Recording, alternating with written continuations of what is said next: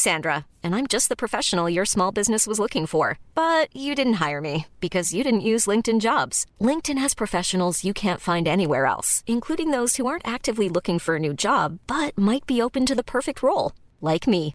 In a given month, over 70% of LinkedIn users don't visit other leading job sites. So if you're not looking on LinkedIn, you'll miss out on great candidates like Sandra. Start hiring professionals like a professional. Post your free job on linkedin.com/people today. Normally, being a little extra can be a bit much, but when it comes to healthcare, it pays to be extra.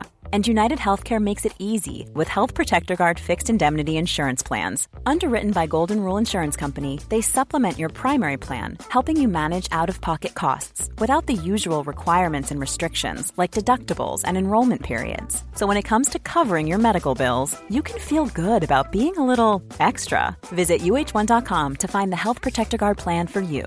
Burrow is a furniture company known for timeless design and thoughtful construction and free shipping, and that extends to their outdoor collection.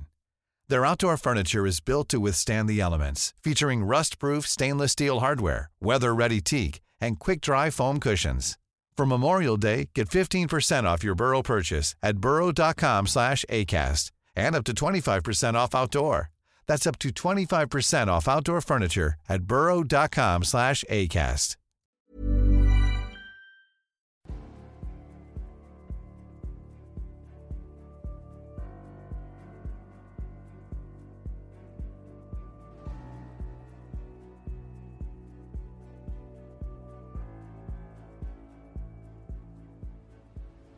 Du lyssnar på podcasten Samtal, en podcast med fokus på fria samtal.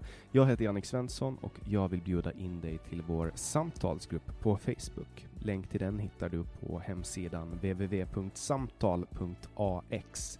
Jag blir också superglad om du vill vara med och hjälpa att stödja det här projektet. Det kan du göra på www.patreon.com samtal eller genom att swisha mig på nummer 070-3522 472. Länkar och nummer hittar du på hemsidan www.samtal.ax. Jag släpper nya samtal varje onsdag året runt och tar tacksamt emot tips ifall det finns någon du vill höra i podden. Idén bakom podden är att fokusera på fria samtal. Vi tror att öppenhet är grunden för det demokratiska samtalet och vill uppmuntra dig som lyssnar att exponera dig för samtal med någon du inte håller med om. Jag heter Jannik Svensson och du lyssnar på podcasten Samtal. Dan Park är gatukonstnär och samhällsprovokatör. Han är flertalet gånger dömd för hets mot folkgrupp och har för detta avtjänat fängelsestraff. Han är nu aktuell med den inställda koranbränningen som skulle ha skett i Malmö innan polisen drog in hans tillstånd. Välkommen hit Dan Park. Oh, tack, tack. Du är väl kanske mest känd för, för den gatukonst som du har sysslat med de senaste 20 åren i alla fall. Jo, det kan man säga. 20 åren, ja det är väl ja, sen 88 så det 90. Fan, det börjar bli 30 år nästan. Ja, fan, ja 30 år nästan. Och det som, som är utmärkande för din konst är väl kanske att du hamnar i fängelse för den lite titt som tätt? Ja, det har blivit så nu i alla fall på sista tiden. Det, 2011 det började det. Med, med liksom hets mot folkgruppdomar. Var det för att du ändrade på sättet du gjorde? Ja, det var väl alltså på slutet av 80-talet och 90-talet då var det mycket om ja, alltså, skolskjutningar och alltså, sånt som hände. Jag tror Estonia-katastrofen gjorde också någonting om typ sådana grejer. Men sen kom det 2001 och då själva terrorattacken i, i New York då. Då blev det mycket snack om islam i media. Så, ja, sen kom hela det Mohammed-karikatyrerna, hela det köret. Så då blev det automatiskt att man ja, gjorde bilder om det eller gjorde affischer om det helt enkelt. Just det, för, för du blev väl, kan man säga, känd 98 när du gick runt i en jacka som täcktes av hakkors. Ja, just, blev dömd ja. för det. Då. Vad, vad var tanken med det? Alltså, det var ju i Umeå, exakt. Ja, ja. Nej, men det var väl att jag tänkte att folk ska ha rätt att gå med vilka symboler de vill. Liksom. Så jag hade en bomberjacka med liksom blandad blandad kompott med lite hakkors och svenska flaggan och sånt. Jag tror det var inne med skinhead-rörelsen var inne på den tiden. Att det är roligt, jag hade ju fan långt blått hår också så det blev ja, lite avbrutet. Nej, jag såg det mer som en ironisk gest liksom och den grejen. så tog inte Så det finns liksom inga nazistsympatier där då? Nej, alltså Umeå det, var, det är ganska rött liksom. Så det, jag tror till och med skinsen var liksom, typ så här vänsterinriktade, antirasister. Så. Så jag tänkte det var, kan det vara en liten provokation mot det hela, liksom att gå omkring med hakor så att säga. Så om, om Umeå skulle ha varit, Umeå skulle ha varit eh, nazistiskt, skulle du, skulle du ha gått med hammaren och skäran då? Ja, så där var ju passande. ja, precis. Jo, absolut. För, för jag tänker, alltså det har ju varit ett ganska genomgående tema, alltså Hitler och nazistsymboler och sånt har ju varit ett, ett genomgående tema för din konst. Är det någonting som gör att du känner speciell stark dragning till att trycka på just den knappen? Ja, alltså det funk, verkar ju funka hela tiden. Liksom. Hitler funkar i alla lägen brukar jag säga. Det, han, är, han anses som ondskan själv. Liksom, så då, det är tacksamt att använda honom. Absolut. Mm. Även Och- förintelsen och den grejen också. Det är också ett tacksamt ämne. Vad är liksom, när du gör den här konsten, vad, vad är liksom syftet du vill uppnå? Är det samhällsdebatt eller tycker du bara om att spränga sådana här bomber i samhällsdebatten? Ja, jag är intresserad av samhällsdebatten men sen försöker jag liksom, alltså vrida på det liksom, att, att det blir, att det inte blir så politiskt korrekt hela tiden. Utan jag liksom, jag, tvärtom mot det politiskt korrekta så att säga. Det behövs, för jag tycker Sverige är väldigt politiskt korrekt om man jämför med andra länder i Norden faktiskt. Om man jämför med Danmark och, till exempel. Mm. Här, här ska, måste alla tycka lika. Liksom. Åsiktskorridoren, som det kallas. Mm. För att det är, ju, det är ju ganska grova tilltag, tänker jag, som du tar. Alltså, du blev dömd 2012 då för att ha suttit upp en affisch med texten “Vår negerslav är bortsprungen”. Jo, precis.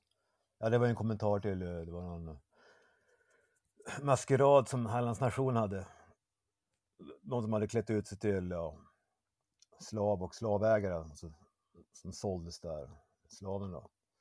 Då gick ju Afrosvenskarna riksförbund ut och ja, liksom skrek om att det är rasism, bla bla bla. Det var ju Jalla Momodou då, själva föreståndaren, vad fan man ska säga. Nej, så då gjorde en affisch med honom då, han som styrde Afrosvenskarnas riksförbund. Ja, vår, negerslav är bortsprungen för jag tänkte om nu en om de nu har slä, sålt slavar på Hallands nation, ja men då kan den ha sprungit bort också så då måste man ju ha en efterlyser en affisch. Ungefär som bortsprungna katter tänkte jag. För och så, telefonnumret var även till Hallands nation. Så, Mm. så det var mer en kommentar på den grejen. Mm, sen sen eh, har du också haft en skylt där det stod “Zigenarbrott är något gott”. Jo, det stämmer. Det var på en demonstration. Jag tror vänstern hade någon demonstration utanför polishuset mot eh, det där så kallade romregistret som polisen hade ett register över ja, brottsliga romer. Då tänkte jag så här, ja men om vänstern protesterar mot det, mot själva registret, då måste de ju tycka att zigenarbrott är något gott. Så kvar. Fast ja, det gick inte så bra. De attackerade mig och slog ner mig. Fick du, fick du mycket stryk? Ja, det var några sparkar och sånt där till innan polisen ryckte in och slängde mig i liksom cellen. Sen blev jag åtalad för hets mot folkgrupp. Men, Men jag utgår ifrån att du på något sätt eh, tycker att det här är en dålig lag om att du utsätter dig för att bli dömd gång på gång. Ja, hets mot folkgruppslagen, jo, alltså den är, den är helt sinnessjuk. Jag menar. Okej, den kom ju 1948, så det Lex Ober. Men då var det meningen att den bara skulle vara för att kunna stoppa direkt, alltså hot mot judar, alltså grovt hot mot judar. Och sen har, nu har den eh, utvecklats eh, till att det räcker med missaktning mot folkgrupper, kritik. Alltså det är en gummiparagraf så man kan nästan bli fälld för vad som helst nu för tiden. Och jag, jag misstänker att det är liksom när, när, man när själva massinvandringen startade på 90-talet, det var då de började åtala det mesta. Så jag, tror det har någonting med det att göra. Att kritik mot massinvandringen det får inte förekomma i Sverige, så då sätter vi åt folk med hets mot folkupplagan, helt enkelt. Mycket som du har gjort har ju gått liksom på, på just det här temat. Du sa att man, att man gjorde den här grejen för att komma åt judehat. Och du åtalades då för att du hade lagt ut burkar där du hade skrivit cyklon B utanför en, en synagoga, alltså en judisk församling. Ja, det var i Malmö och i Stockholm. Jag satte upp bakom någon vägskyltar. Cyklon B. Vad var tanken med det då? För det är ju, alltså i min värld så är det jätte, det är ju alltså, det är en fruktansvärd sak. Alltså, du vet, man använder ju det för att mörda liksom systematiskt ett, ett folk. Ja, de påstår det som jag brukar säga. ja, jo, de säger det. Nej, men, men grejen var väl mer tänker Du, alltså, tänker du att, det, att de inte gjorde det? Nej, jag, alltså andra, andra liksom säger ju att det, det är överdrivet att cyklon B, det var bara för att ja, alltså avlusa kläderna. Ja, det är också känsligt, typ sådana här, typ så här, förintelseförnekare, det är också en känslig grej som är politiskt inkorrekt. Ja, ja men i alla fall. Alltså, det är ju en konspirationsteori, man vet ju att, att förintelsen har skett. Jo, jo, visst. Men just själva, själva siffran 6 miljoner, den är officiellt, den, den är inte 6 miljoner. För 6 miljoner, det är ju en gammal mytisk, gammal judisk myt. En siffra som används långt före Tredje riket. Så. Så man har ju korrigerat ner siffran eh, efter att Sovjet föll, så korrigerar man ner den. Men, men ja. alltså, oavsett om det var 6 miljoner eller 10 000 så är det ju fortfarande en fruktansvärd sak att göra, att, att döda människor bara på grund av var de kommer ifrån. Håller du inte med om det? Jo, jo men det här skedde väl då på 40-talet, jag menar det är 2020 nu, så jag tänkte, varför hålla på och tjafsa om det fortfarande? Men det förekommer ju betydligt, det förekommer ju skit nu också. Varför inte koncentrera sig på det? Jag tänker att det här är ju, alltså på 40-talet så var ju samhället så pass eh, klokt att man borde ha förstått att den här formen av radikal politik och hets skulle ha lett till massmord. Och det var ju det det gjorde.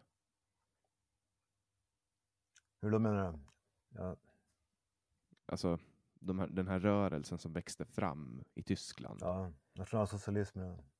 Ja, alltså de var ju ganska öppna med det de höll på med, att de ansåg att judarna var ett, ett problem och så. Och, och, de verkställde ju det här. Det finns ju gott om dokumentation som, som visar på att förintelsen har genomförts och att det har varit system, system, systematiska mord på, på judar och andra folk.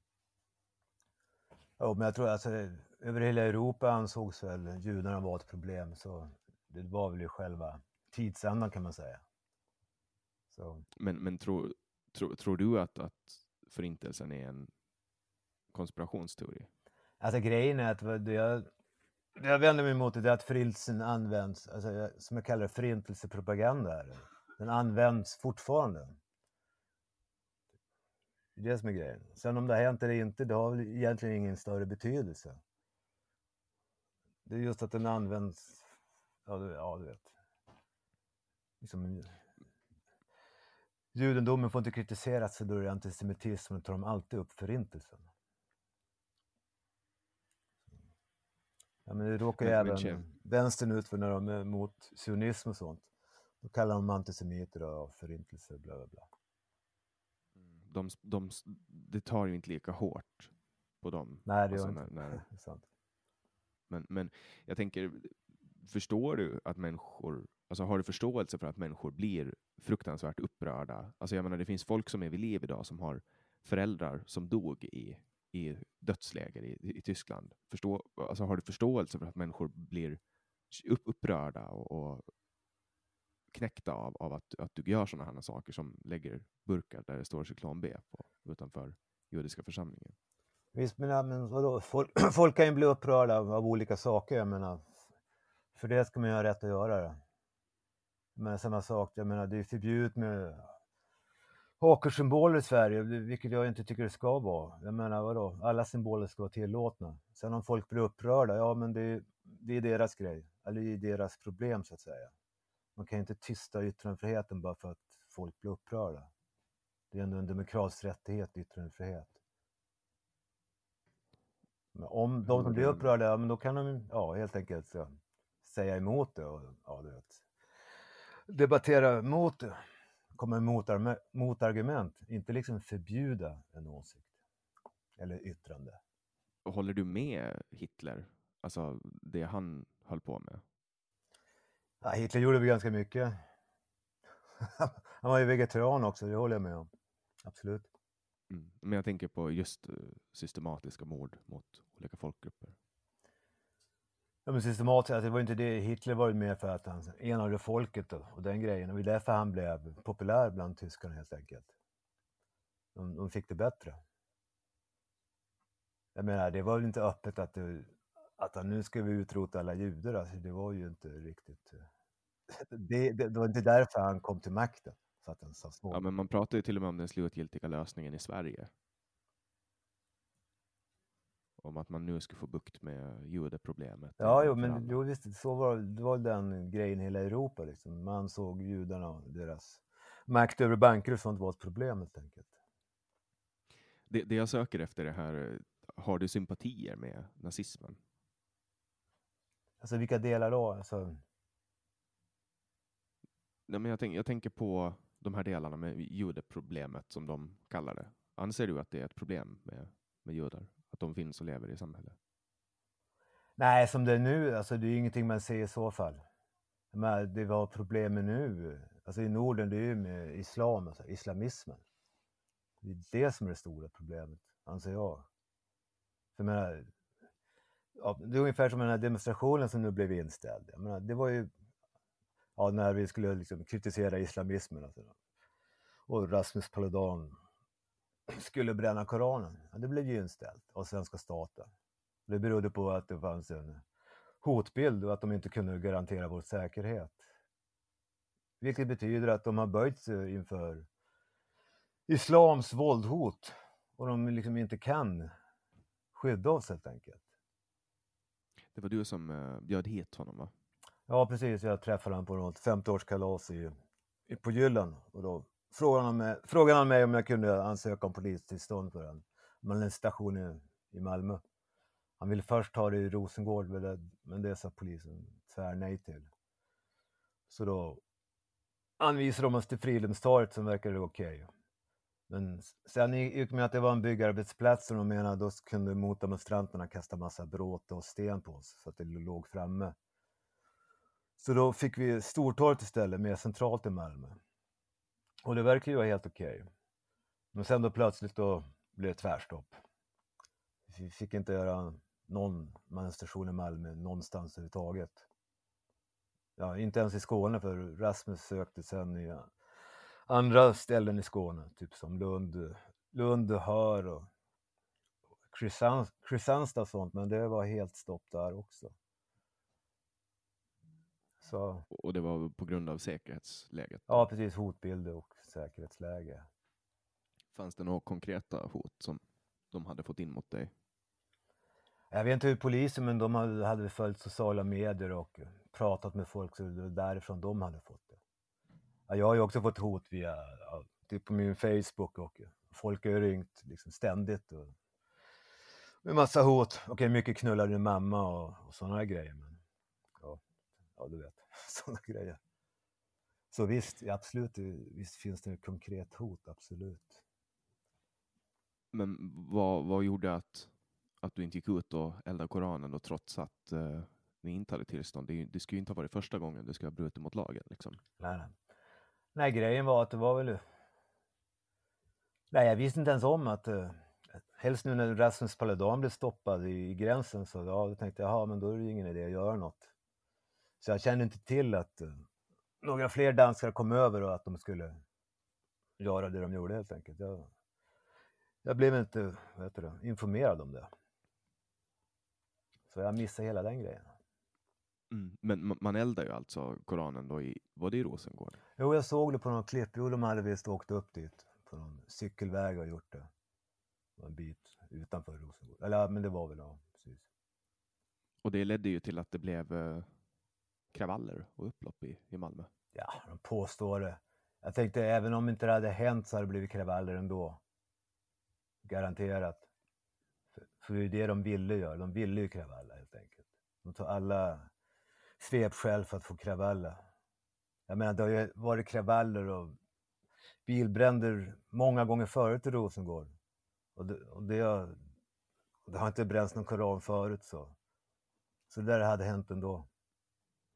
Jag såg att två personer hade då blivit anhållna för att ha sparkat på Koranen. Ja, jag tror det var tre dessutom. Tre, ja exakt. Hets mot folkgrupp, sa polisen. Eller de tog in honom för det.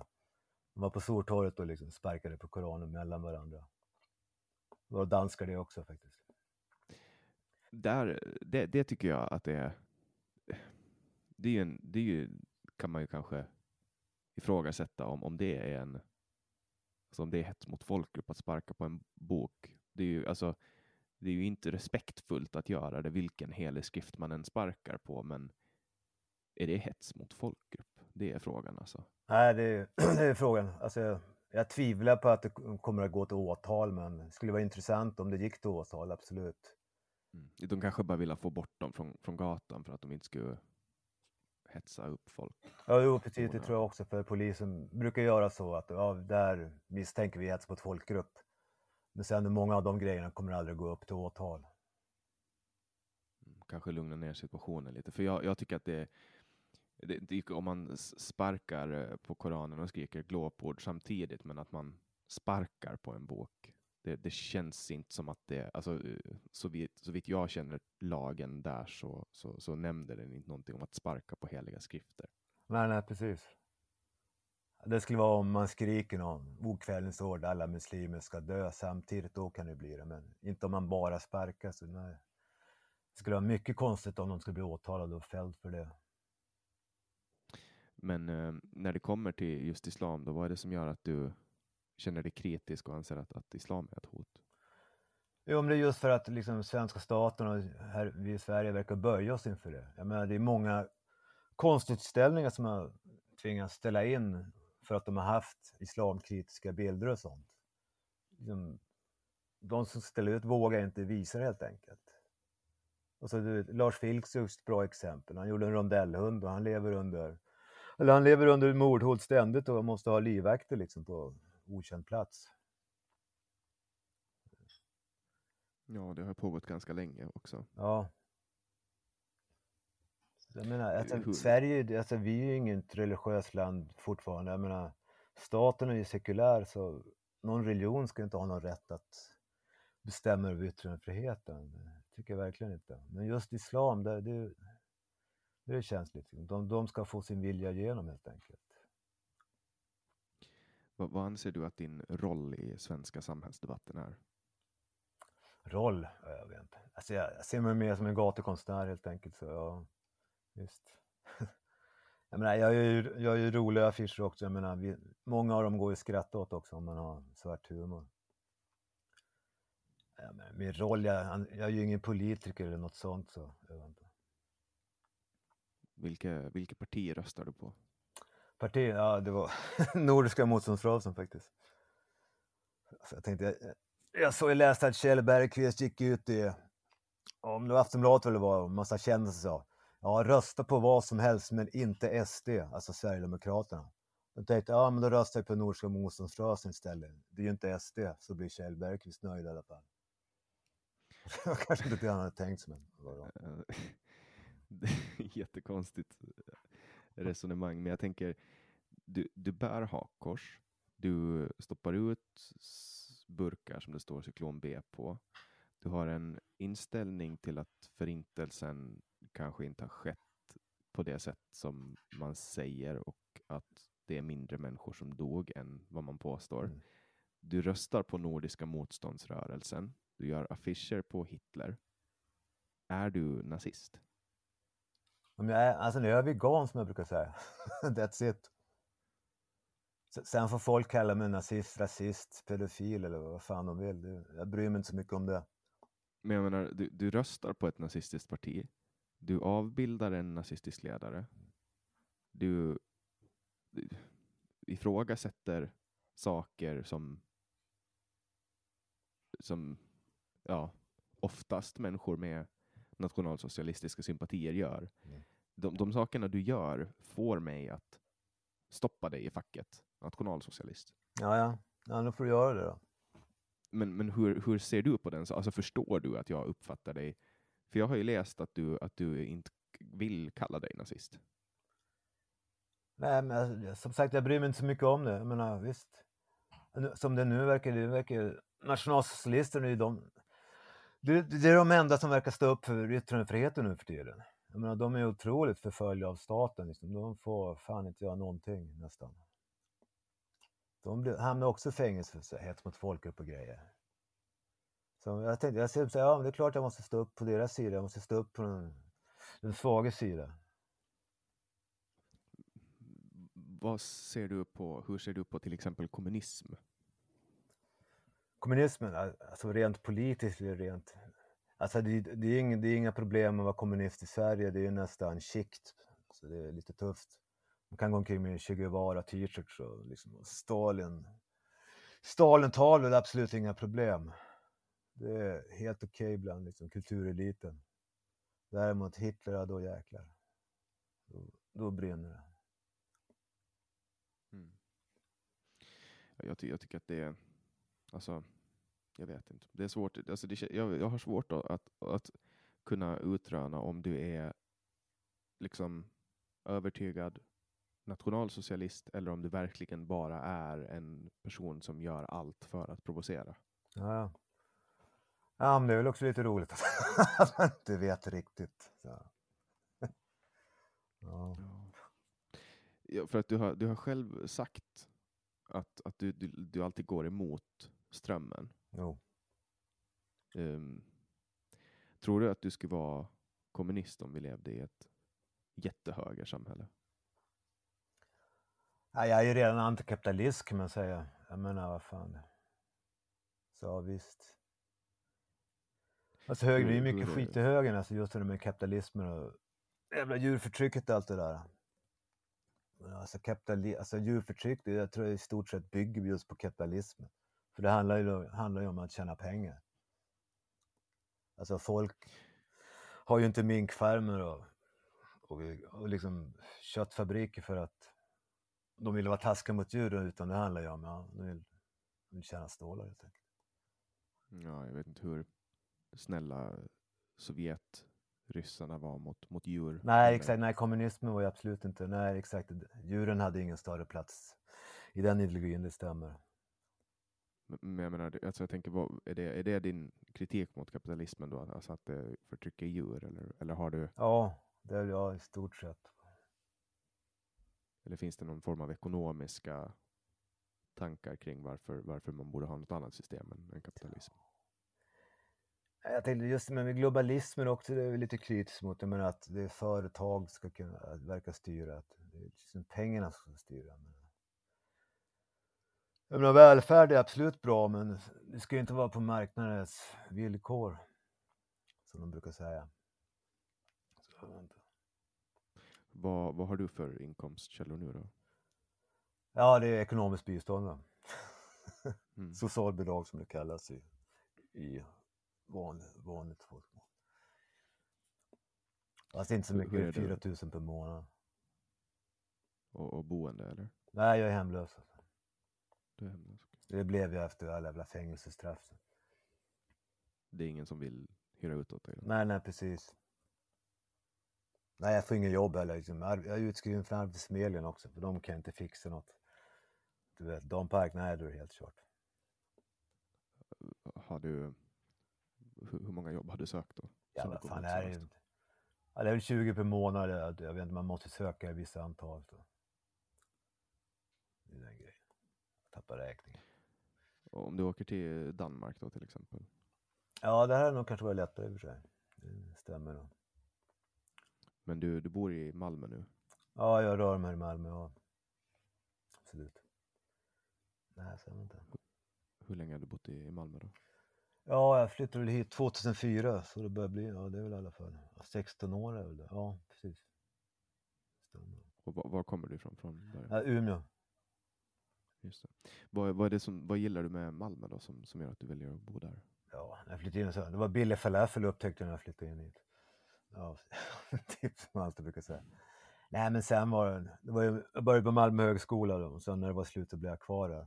Nej, jag tyckte det var ett bra musikliv heller. Det är många, många liveställen man kunde se livemusik på, så det, det var ju positivt med Malmö, absolut.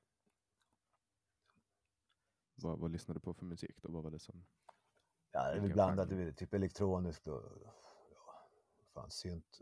Got, postrock, ja, hela den köret. Alternativ musik kan man säga. Sånt som man tar droger till och hoppar? Ja, jag såg den technoscenen, ja, det var också bra med acid house och sånt, absolut. Så, lyssnar på det mesta faktiskt. Det är just, hip, just hiphop har jag inte varit inne i, inne i så mycket faktiskt inte. Men, men jag tänker, alltså, du, du driver ju en, en linje i din konst då, som går, slår ganska hårt mot mångkultur och, Jo. och sådana saker. Vad, vad gör att du väljer att aktivt bo kvar i en av Europas mest mångkulturella länder? Eller städer? Ja. Ja, det är inte så, jag, jag har ju så många pengar så det blir svårt att flytta också. Jag har ju betalningsanmärkningar så det blir svårt och det, det är omöjligt att få något kontrakt. Det är typ inneboende och sånt. Men, nej, det har jag tänkt inte blivit av alltså. Det skulle vara i någon liten håla i Småland då kanske, ja, det är möjligt, jag vet inte. Men som sagt, det är bra, Malmö är också bra för du är nära Köpenhamn, man kan snabbt ta sig till Danmark och Jylland och det där köret. Vad brukar du göra när du är där? I Danmark, ja det är, i Köpenhamn det är man ser, ser spelningar och sånt. För nu har det inte varit så mycket, det har varit corona så det har varit stängt. Men... Så det är i stort sett det. Brukar det vara en del demonstrationer också, Får frihet som också är islamkritiskt brukar jag ha en del demonstrationer i Danmark. Ja, och även Lars Vilks har haft en del föredrag där också i Köpenhamn. Eftersom det inte går i Sverige längre. Så, Men det låter ju ändå som att du har någon form av politisk agenda när du åker på demonstrationer då, mot islam. Inte islamism om jag förstår det rätt, utan islam. ja, det är samma sak. Ja, det är väl, islam är religionen och islamism är väl den politiska ideologin. Ja, ja, men det, det hör ju ihop. Alltså religion och Och de, är samman, det är- de är sammanbundna på det sättet att, att det innefattar både politisk ideologi och sätt att Ja, leva liksom, och absolut. religion. Jo, jo, det men finns ju vissa kontraster, Ja. tänker jag. Ja. Men du verkar inte vara kontrasternas man, utan du verkar vara ganska svartvit, on-off. Jo, jo visst, det, det stämmer nog. Absolut. Nej, men varför började jag röra mig i de kretsarna i Danmark? Det var ju, det var ju efter mitt fängelse, alltså när jag blev efter utställningen i Malmö då på Galleri Rönnqvist och Rönnqvist, när jag blev häktad tre månader och de beslagtog sju tavlor och förstörde dem. Då fick, då fick ju dan, danskarna upp ögonen för liksom hela den, för, den grejen. För det var betydligt mer skriverier i Danmark om det hela, att, hur jäkla, att det var fel liksom att storma ett galleri och censurera och sen liksom fängsla konstnärer. Det tyckte de i Danmark var fel, så det var en stor debatt runt det. Medan det i Sverige, de som överhuvudtaget tog upp det, även inom konstvärlden, de sa ja, det är rätt åt dem Park. Så enkelt är det, liksom. det är rätt åt honom. Så. Och då blev det, jag visste, ja, då, jag var ju även över i Danmark, de ställde ut mina grejer i Danmark också. Så var jag över och liksom, radioprogram och allt sånt där. Alltså. Sen blev det väl att man helt enkelt hängde med de där, får frihet, de som är emot islamismen och allt det där köret. Mm. Så. Vad är det som gör att du, att du är kritisk mot islamism och islam? Då? Nej, men det- är som jag sa, liksom, att det har, det har för mycket att säga till om i Norden. Alltså det, det att vi, vi böjer oss inför islams krav. Alltså. De ska gå klädda som de vill på jobb och allt möjligt. Jag menar, hade jag som... Om jag skulle vara troende Ku Klux Klan-medlem, alltså, skulle jag få gå till jobbet i min Ku Klux Klan-dräkt? Nej, jag skulle inte tro det. Jag skulle inte ens få gå offentligt i Ku Klux Klan-dräkt. Men muslimer, de får göra det. Då tänkte jag, men varför då? Skulle inte, är inte alla lika mycket värda? Har inte alla rätt att gå klädda som de vill? Tydligen inte. Men jag- jag tänker ju, alltså en Ku Klux Klan-dräkt, det är ju ehm, det är ju alltså människor som, som vill mörda svarta. Ja, islam Och- har mördat vita som har gjort karaktärteckningar. Islam mördar ständigt. De mördar homosexuella, de mördar judar. Så vadå? Så jag menar, Ja. deras uniformer borde ju också klassas som hets mot folkgrupp. Ja, det, där är ju, det där är ju jättesvåra frågor. Jag har inte tänkt på det på det sättet. Alltså, det är ju inte därför islam finns. Islam finns ju inte i syfte att, att mörda homosexuella. Det är ju en tro som, som eh, religion. Liksom. Nej, alltså om skapade den för, det, det är en erövringsreligion. Mohammed skapade liksom den för att erövra platser. Så det är ju en krigargrej, helt klart. Alltså, islam eh, betyder ju bokstavligt talat underkastelse om precis. man, om man översätter det. Eh, men syftet är ju inte att, alltså syftet är väl att underkasta sig Gud. Inte Ja, att få andra att underkasta sig. jo, även att en- andra ska göra det. Såklart. Så har jag i alla fall förstått saken. Hur, eh, hur väl inläst är du på religionen? Läste du Koranen förrän du tänkte bränna den? Nej, jag, nej jag, jag har ju faktiskt ett ex Koranen, alltså svensk översättning, men nej, jag har faktiskt inte läst den så det känns, det känns som att jag måste göra det faktiskt. Ja, nu, nu blir den ju inte bränd så då, då kan jag läsa den. Det var inte jag som skulle bränna den. Jag, Nej, men jag absolut. försökte mig på eh, Koranen och jag läste faktiskt, Okej. eh, det var tvångsmässigt läste jag ut den, men jag fattade ingenting. Nej. Eh, Jag förstod liksom inte vad det handlade om, men sen fick jag ju reda på att Koranen är liksom uppdelad i längder av historien. Alltså det, fanns liksom, det finns ingen kronologi i den. Nej. Och sen, sen fick jag också talt för mig efteråt att för att förstå Koranen och varför, den är ju skriven i vers också och lite sånt. Mm. Men att för att förstå kronologin och allting så finns det andra böcker, två andra böcker man behöver läsa. Okej. Eh, så att det är inte, det är inte riktigt superlätt. Ja, fan. Men ehm, jag gjorde ett försök och, och det var det var, det var, det var rätt svårt alltså. Men det var på Ja. svenska då eller? Ja, den var översatt till svenska. Jo, för jag hörde det var någon som berättade för mig, han som var mer insatt, han sa att en, en, en, arabisk, en arabisk översättning, den är liksom mer äkta. Då säger han att de svenska och till andra språk, då har de liksom tagit bort vissa, ja du vet. De har helt enkelt gjort den lite mer politiskt korrekt, enligt honom i alla fall. Alltså, det finns ju olika översättningar av Koranen. Ja, Och så finns det översättningar till engelska som har översatts till svenska. Och det är klart att man får lite som är lost in translation. Men eh, jag tror nog att folk skulle reagera på om de skulle börja ta bort saker ur Ja. den.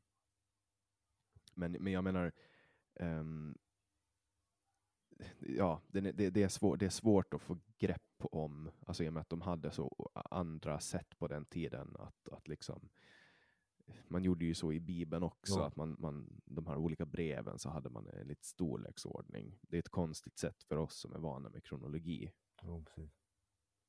Men, eh, har du läst eh, Tora eller, eller om judendomen? Alltså Tora, är inte det gamla testamentet då? Eller är det Talmudet? Nej just det, Tora, ja, jo, Talmud är väl något annat. Du vet, heliga skrifter, gamla heliga skrifter, men jag vet, det används väl kanske inte riktigt på samma sätt som, som ehm, vi använder Bibeln. Ja. Eller nu bara utgår jag från att du är kristen för att du är född i Sverige, men Nej, jag absolut, ja, nej, jag är fan inte kristen alltså. Jag är inte ens döpt. är du, vad, vad, är du ateist eller? Jag är antiteist nästan till och med. Vad Jag innebär vänder det? mig starkt mot de mon- monoteistiska religionerna som kristendom, judendom och islam. ja, Det är helt, nej. Jag menar, om Sverige och Norden ska ha en religion, då skulle det vara asatron i så fall. Ja, men sen kom ju den här monoteistiska revolutionen som tog bort eh, att man fick ha flera gudar. Ja, precis. Det har jag, jag funderar lite på det nyligen. ehm, varför det är så. Varför man, varför man bara ryckte bort alla gudar. Ja. Jag har för mig att det, det var väl också ett maktanspråk. Det var lättare att styra folk om man hade en monoteistisk religion, även i Sverige. Så att de inte liksom trodde på en massa olika gudar, utan tro på en. Då är det lättare att styra folket helt enkelt. Ja, det ligger säkert någonting i det. Jag, jag, tycker, att, eh, jag tycker att det är konstigt när folk eh, läser skrifter, alla former av, av skrifter, vare sig de är nya eller gamla, eh, eller gamla skrifter speciellt, och läser dem ordagrant. Det, är ju konstiga saker liksom, som skrevs på den tiden. Och, och jag menar, bara man går tillbaks hundra år i tiden så hittar man ju jättekonstiga sätt att se på saker. som Jag hittade hemma hos min syster. Hon hade hittat den någonstans. En bok från typ 20-talet som beskrev hur en kvinna ska vara. Ja. Och, och då liksom, då var det någon manlig författare som har satt sig ner och liksom beskrev hur en kvinna ska bete sig, hur hon ska laga mat och, och sådana saker. Och jag menar, det är knappt hundra år sedan. Jag menar, går vi tillbaks 1500 år och börjar läsa böcker då. Ja. Det var ju liksom många av de här sakerna i de religiösa elementen. Det finns både i judendomen och i islam. Just det här med mat, alltså att man ska undvika griskött. För att förr i tiden så var det farligt att äta griskött för att man kunde dö helt enkelt. Och så är det inte längre det fanns olika anledningar till varför man skulle vara renlig, varför man skulle tvätta händerna. Det här var liksom ett sätt för, för kyrkan och församlingarna då att, att ta, ta vidare um, olika former av seder, därför att det var så man lärde ut folk genom kyrkbänkar.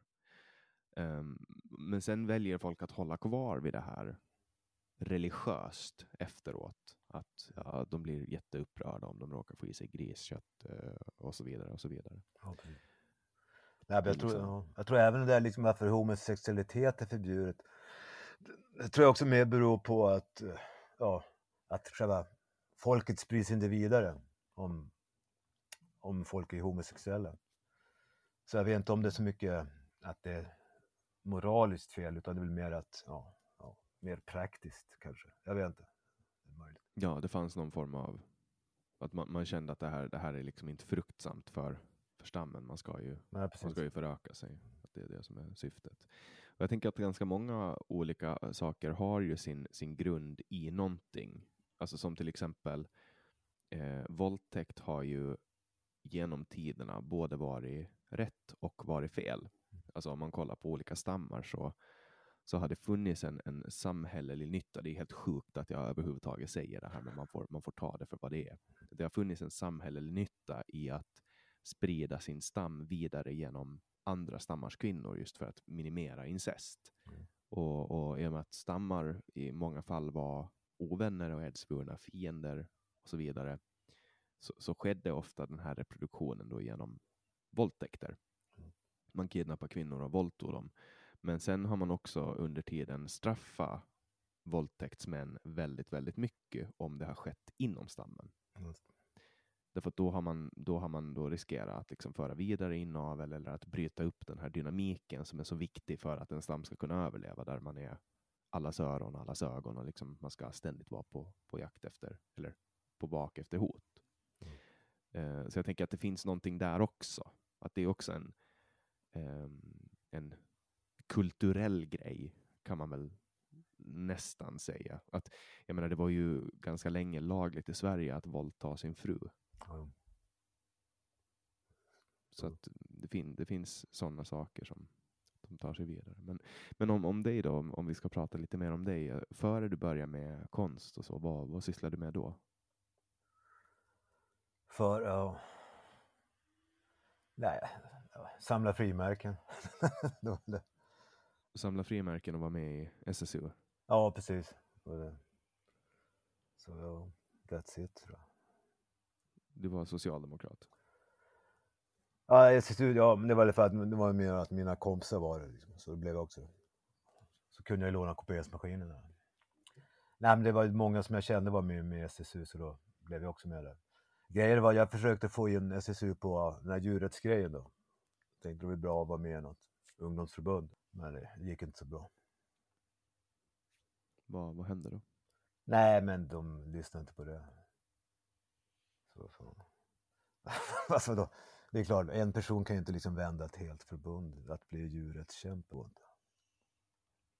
Det har ju gått förut. Hitler lyckades ju vända det här ah. partiet som han kom in i. Ah. Öl, ölkällartal. Så. Ah, sant. För att återkoppla till någon som du ja, brukar prata om oh. i din konst i alla fall. Så att... Tyskarna kanske var så från början, jag vet inte. Nej, um, men men vad, vad har du för utbildning i grund och botten? Utbildning, ja. Nej, det, nästan, det var ju distribution och kontor jag gick i gymnasiet då. Jag ville bli postkassör för gick med att jag samlade frimärken. Men sen la jag av det. Så. Men sen blev jag mer intresserad av, av konst och media och sånt. Så, så, försökte jag. så jag har väl gått mer folkhögskolor då, med ja, du vet, grafisk design och sådana grejer. När du, när du gör din konst, då gör du den på dator eller manuellt? Ja, det där på slutet av 80-talet och 90-talet, då var det ju rent klippa, klistra, sax, bilder och, och lim och så ko- kopieringsmaskin. Men sen då kom ju datorn i slutet av 90 då kunde man hålla på med det med Photoshop. Så det enklare. Fast det ser fortfarande ut som det är gjort med sax och lim. Det är det som är meningen. Gör du kommersiella jobb eller är det bara, bara konst? Nej, det, det, det är inget företag som har frågat mig att göra något så nej. Faktiskt inte. Nordiska motstånd, motståndsrörelsen skulle ju kanske kunna fråga dig. Ni verkar ju inte ha helt emot varandra om man säger så. Ja, jag, jag tror de, de kör sina grafiska grejer själv faktiskt. så. Ja. Eller, så, eller kanske de också tar avstånd Ja, dig som, Ja, exakt. som, som jag också behöver göra för att inte bli nackad, Ja, så att säga. Jag tar avstånd från Dan Park och allt han säger. Ja, precis. Ja. Ja, populärt att ta avstånd nu för tiden. Ja. ja, man måste göra det. Annars, annars dina, alltså, om inte jag säger att jag tar avstånd från det, då kan ju dina åsikter hoppa över till mig. Jo, exakt. Eh, och helt plötsligt så blir jag en dödsknarkare nazist. Det är en smitta liksom. Jag fan hur det går till. Mm. Jag säljer ju sådana t-skjortor på min eh, webbshop. Dödsknarkare nazist står det. Ja, Jag tycker att det är ett beskrivande ord. ja, precis. Ja, men Du nu knarkar inte jag. Fan, då måste jag börja med det. Har, du, har du använt eh, droger? Nej, jag har ju provat såklart på 90-talet. Alltså typ, ja, ja rökt och sådana grejer. Så Jag provade även röd flugsvamp också. Som då blev psykedeliskt. blir, man ens hög på det börjar man inte bara spy. Jo, jag spydde. Jo, det gjorde jag. Nej, men sen var det en liten psykedelisk eh, känsla faktiskt, det var det. Men toppsläktskivling är bättre typ faktiskt. Om man vill ha den grejen. Psilocybin är ju de, de svamparna. Så jag vill prova. Har du, har du tagit det? Magiska svampar. Ja, det var lite roligt faktiskt. Nej, sen har jag väl träffat, testat amfetamin två gånger men helt meningslöst. Det, man blir bara nykter av det. Så, ja, Så du, du håller inte på med, med droger då? Nej, nej, absolut inte det. Det är väl öl, det är väl det, är väl det mest drogiga jag kan tänka mig. Om det är någon spelning om helgen så kan man ta några öl. Just det. Spelar du själv någon? Nej, faktiskt jag kan fan inte göra det. nej, nej, jag, nej, någon musiker är jag verkligen inte. Jag är mer lyssnare så att säga. För jag hade ju en spel, eller spelning och spelning. I Umeå då var jag där ungdomsgården eller vad Galaxen hette det. Då, jag och en kompis stod där med två vinkelslipare och körde med alltså bakgrundstejp.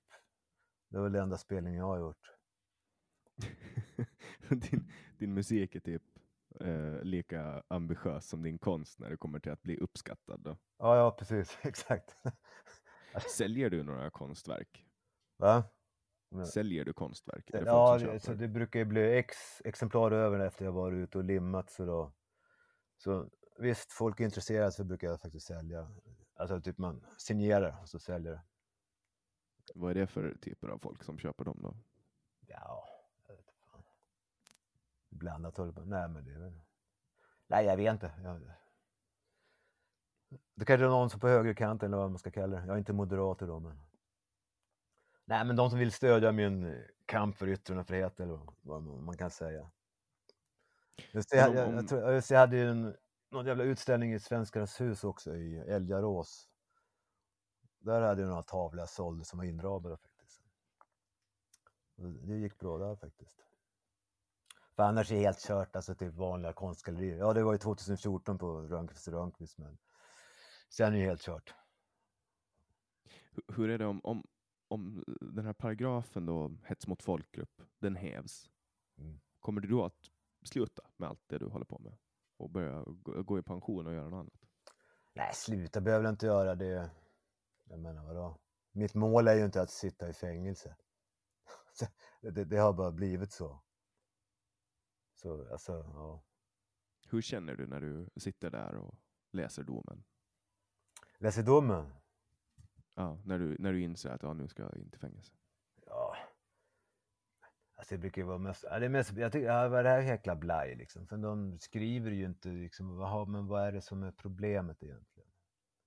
Nej, jag tycker det var sjukt. Alltså, ja, jag har gjort några bilder och limmat upp i elskåpen eller ställt ut på galleri. Jaha, oj, nu döms jag till sex månaders fängelse. För vad? Okej, okay, jag har använt men... ordet neger på någon affisch. Oj, zigenare på någon annan affisch. Jaha, men jag har inte varit ute och misshandlat folk och spottat folk i ansiktet. Bokstavligen. Fruktar Nej, jag tycker det är sjukt. Va? Fruktar du fängelsestraffet? Om jag fruktar? Ja. Nej, jag har redan suttit i fängelse idag. Jag är häktad också. Men är det, är det avskräckande för dig att, att veta att jag, jag kommer att få fängelse om jag gör det här? Nej, alltså svenska fängelser, det är ju bra standard där. Så det är ingenting att direkt vara rädd för. De andra intagna var ganska lugna också faktiskt. Kanske var ett lugnt fängelseområde, jag vet inte. Vilka fängelser har du suttit på? Ja, det är Mariefred. Där i, ja, i Strängnäs. Det är klass 2, exakt det var till och med klass 2 så jag fick inte öppen anstalt, klass 3. Hur, hur är det när, när du, du har ett datum alltså när du blir dömd till fängelse? Jag, jag vill bara gå tillbaka till den här känslan. När, när mm. du får domen och inser att okej, okay, nu ska jag bort från samhället. Mm. Uh, hur påverkar det dig? Alltså får, blir det liksom spänner det i tinningarna och blir rött framför ögonen och du känner att oj shit, nu är allt kommer att gå åt helvete. Jag kommer inte att få träffa mina kompisar. Eller är det bara så här, ja, ja, men jag får väl sitta i fängelse? Nej, det är mer bara, ja, men okej, jag är precis det mer känsla. Ja, då får jag väl helt enkelt göra det och se hur det går. Jag tänkte, ja, kan man passa på att läsa böcker? Och det gjorde jag. Var det, var det spännande? Var det hemskt? Alltså hur kändes det liksom? Spännande, hemskt. Det var mer långtråkigt kan man säga. Det blev mycket läsa böcker. Okej, på fängelset var det vet du, man har ju arbetsplikt. Fast det fanns inte så mycket att göra där så jag satt och läste böcker och de andra satt och spelade poker. Så. Så. Vad är det för arbetsplikt då? Alltså typ uh, stryka kläder eller sånt skit? Ja, grejen, metallverkstad var, var, var det jag hade. Så svetsa och slipa och sånt. Men det fanns inte så mycket att göra. Så jag, jag behövde inte göra något. Hur, hur ser det ut där inne då? På fängelset? Hur det ser ut? Ja. ja, det är svårt att beskriva. Är det som ett vanligt rum? Ja, du menar i alltså själva cellen?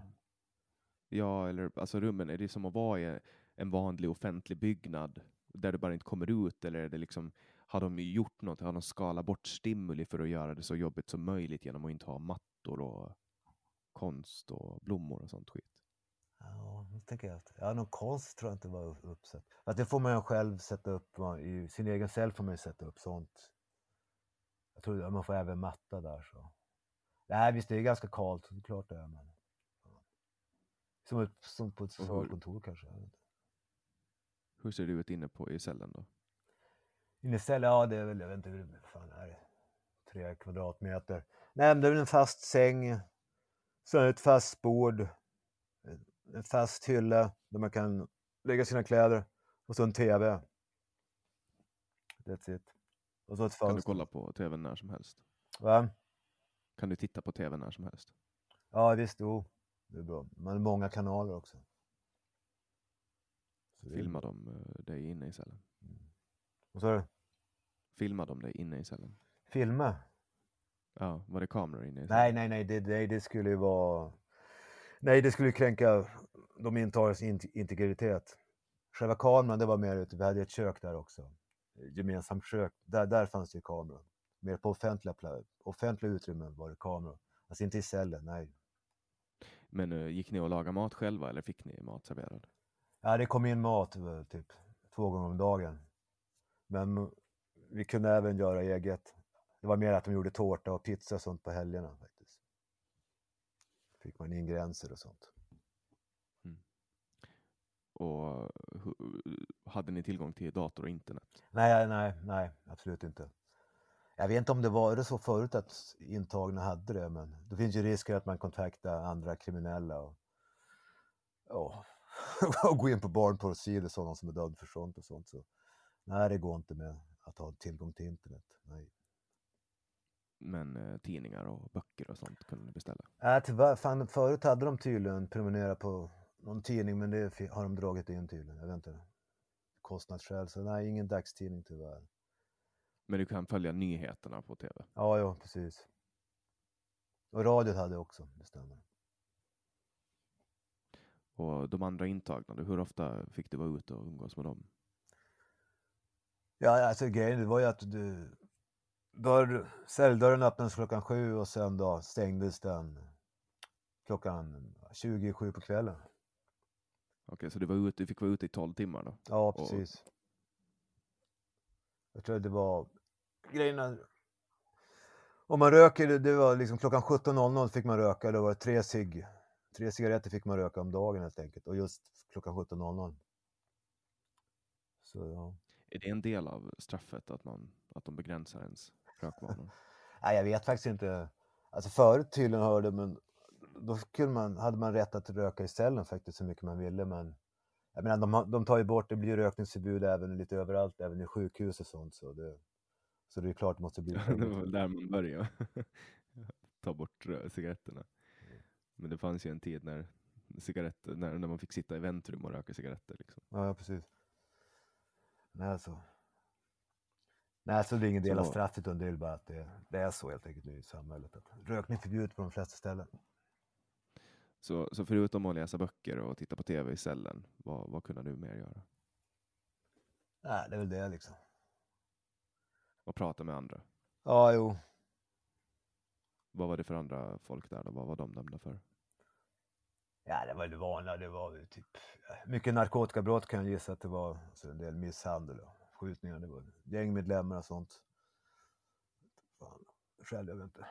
Ja, just det fanns en del polacker och ukrainare. De måste väl ha åkt dit för smuggling eller sånt där kan jag gissa.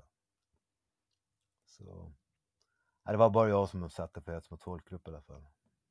Fick du någon kompis där inne? Kompis, kompis. Alltså, alltså, jag hade inte så mycket gemensamt med de andra. Så, men det, nej. Var det någon som uh, visade intresse för dig då? Tyckte att det du gjorde var, eller kände till dig eller så? Ja, de frågade varför jag satt. Då sa jag hets mot folkgrupp för jag använde ordet neger. Ja. Så, nej, de verkar inte ha så stor koll just att jag, alltså med gatukonst och sånt, nej. Så de, de rör... Men du var ingen som blev arg på dig och slog dig där inne? Då? Nej, det var någon, någon som kanske var lite sur så men jag vet inte. Just jag använt ordet neger, men de andra sa, vadå, vi använder också ordet neger. Fan, det är lugnt. typ araberna sa, det är inga problem. Det. Nej, det var en annan svart där också som hade intagit, men han var schysst. Liksom. Vad, vad, läste du för böcker då? Eller vad läser du för böcker i allmänhet? Ja, det mesta som fanns det var typ så kallad true crime. Leif GW Persson och sånt. Alltså, det fanns en del böcker om Palmemordet också som jag kunde läsa där. Så, just. Mycket sånt. Ja, fin, tror det finns en om Hells Angels, ja, hela den grejen.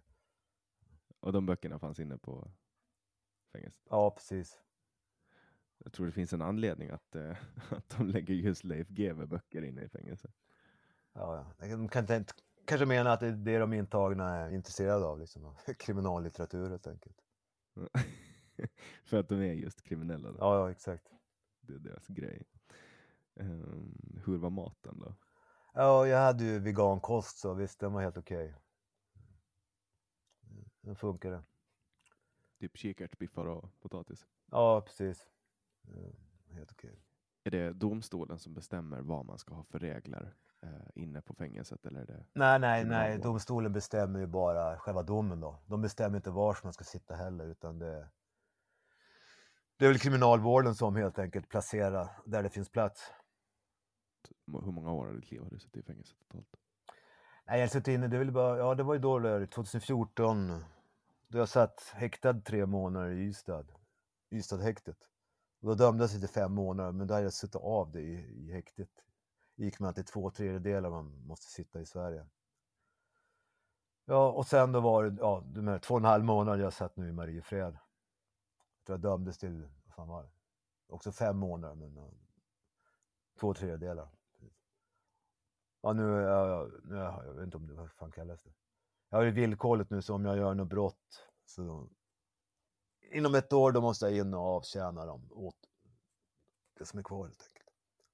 Just, just jag satt fan häktad en, en månad också. På, för, övrigt, för övrigt om tre månader. Jag satt månad i mars 2014 också. Det var för att jag hade varit på rättegång med hets mot folkgrupp. Ja, det var några affischer. Sen gick jag hem och la upp på min blogg, Lidl Day, att jag har varit på rättegång idag. Ja, och, och pratat om de här, eller det gäller de här affischerna. Så publicerade jag affischerna. Och dagen efter kom polisen liksom, stormades in i, i lägenheten och tog mig liksom till häktet. Fick jag sitta där en månad. Jag menar att det var hets mot folkgrupp i och med att jag hade skrivit att jag hade varit på rättegång. Men Visst. de bilderna blev väl offentliga handlingar i och med att du har varit på rättegång? Ja, jo. Ja, jag hade inte ens blivit fälld ännu för den rättegången. Men ändå, jag blev fälld i tingsrätt när jag satt häktad för det. Men det överklagade jag till hovrätt och då blev jag friad. Då menar, gick med att jag inte hade dömts för de där bilderna så hade jag rätt att publicera dem och berätta att jag hade varit på rättegång. Ja, och sen tänker jag alla domstolshandlingar blir ju offentliga sen. Jo, precis. det Men när det hets mot folkgrupp då måste det spridas bland mer, alltså 15 pers samtidigt måste jag sätta. Så det räcker ju inte liksom att, det är ungefär om jag har, om jag liksom har en bild hemma, en hakkorsfana hemma, det är helt okej. Så länge det inte syns utåt. Däremot om det kommer 15 pers hem till mig och ser det, ja då kan det vara hets mot folkgrupp. Ja, då kan det också vara brott mot eh, smittskyddslagen. Ja nu, ja, nu för tiden, ja. Nej, då är det 50. Det var det. Exakt. Men hur är det med, med häkte? Alltså det, är- det är väl eh, skit jämfört med själva fängelseanstalten? De säger det, men jag tycker fan det är bättre. Alltså, fan, i, I häktet kan man vara i fred, slipper träffa annat folk. Då kan man liksom koncentrera sig och läsa och se på TVn. Så, nej, jag tyckte fan häkte är bättre. Får du en eh, skön säng eh, och tv där? Ja, ja precis. Ja, egen toalett också kan vara bra. Det hade jag inte i fängelset. Då var Jaha, så du måste det. vänta till dagen. När de öppnar dörren och använder toaletten. Jaha, så, du- men då så, om du måste gå på toa? Ja, Och jag vet man kunde trycka på en knapp att de kunde komma och öppna så här mitt i natten men jag vill inte störa dem, det skulle vara stressande om jag sitter och skiter i toaletten och sen står de utanför och väntar. Nej. Så det, det, det hoppade jag över. Jag hade några plastpåsar jag sket istället. Jag sket i dem och slängde dem när dörren öppnades. Det var mer praktiskt. Ungefär som man gjorde förr i tiden, typ. På 50-talet i potta och sånt. Gick ju det också, när de hade utedass. Men vad, vad sa de när du kastade ut bajs i Ja, men jag visar inte det. nej, nej, det, det, det, det, var bara ett- en liten plastpåse i den offentliga soptunnan. Det var inga större problem. Det är alltid löst. Är, det, är det första gången du eh, berättar det åt någon? Avslöjar ditt eh, plastpåsebajsande inne i fängelsehäkte? Nej, jag tror Daniel Lampinen hade också någon liten poddintervju med mig och då berättade det också faktiskt. Mm. Du vet om det. Är du, är du, är du tjommis med Lampinen? Ja, jag har träffat honom några gånger. Även, bland annat på, vet du, vad heter det där på Gotland? Almedalen? Ja, Almedalen, ja precis. Stämmer. Ja, jag pratade lite om honom eh, i förra veckans podd och då blev han lite arg på mig. Okej. Ja. Han, eh, han tycker att jag missförstår honom hela tiden när han säger att han är han säger att han är rasist och jag tycker att. Ja, han inte gör rasistiska saker. Ja. Alltså ska man slå ihop dig och eh, Lampinen, då skulle ju ni bli en rasist. Därför att du gör rasistiska saker, men du kallar dig inte rasist. Och han gör inte rasistiska saker, men han kallar sig rasist. ja, ja, precis. Jag tycker att för att man ska vara en, en rasist, då bör man göra saker som gör att man blir rasist. Och därför så skulle jag kalla dig för rasist i och med att du är dömd för eh, hets mot folkgrupp. Det är väl typ definitionen av rasism. Ja, jo. Så att, Tycker du att eh, svarta människor är lägre stående på ett intellektuellt plan än vita? om jag tycker det. Ja. Det är ingenting man kan tycka. Det är väl någonting man ska alltså, undersöka rent eh, genetiskt och biologiskt i så fall. Men man kan ju alltid ha en bias som lutar åt någonting. Ja, ja, men ja, som jag brukar säga, det är bara att se hur Afrika ser ut och sen är det bara att ta, ta egna, alltså, ja, det är bara att se på det liksom. Vad bevisar det då? Ja, det där med IQ och så. Alltså det finns, det finns inte så många hållbara samhällen där. Om man säger så. Men samtidigt det med människovärde, ja, men, men bara för att man har lägre IQ behöver man inte vara mindre värd så att säga. Ja, Men jag, tänk, jag tänker att det har väl att göra med alltså att Afrika inte är lika utvecklat som oss. Det har väl att göra med en ackumulativ effekt, effekt som har skett på grund av att man har varit snabbare med den ekonomiska eh, utvecklingen här. Att det råkar vara så att man börjar uppfinna saker i England Ja. och, och så. Och att det har liksom byggts på. Vi har haft liksom vi har kunnat bygga infrastruktur och samhällen på ett sätt som man inte har lyckats med där nere. Ja. Och sen, sen har det ju inte hjälpt så jättemycket att man har koloniserat och liksom tagit naturresurser och liksom skeppat upp dem till Europa. Mm. Och så, men men eh, min, min, jag uppfattar inte riktigt svaret på frågan. Okej. Alltså, ty, anser du att de är lägre stående? Lägre stående, nej. Anser du att de har lägre IQ? Ja, men det, det, det, det kan man ju läsa i böcker, liksom. The, the Bell Curve till exempel. Grejen är att det asiater har väl högst, eh, sen vita mellan och så svarta och bruna har lägst då. Om man ska hårdra det. som, det är ju en bok som, som ofta nazister refererar till.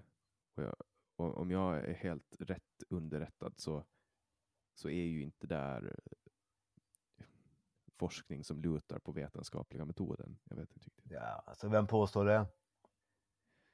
Nej men det är bara så, alltså jag bara Jag tänkte att dagens forskning, den, den måste ju vara politiskt korrekt. Annars får de ingen, annars får de ingen by- pengar för sin forskning. Så det är klart. Och nu är det politiskt inkorrekt att forska om IQ. Mm.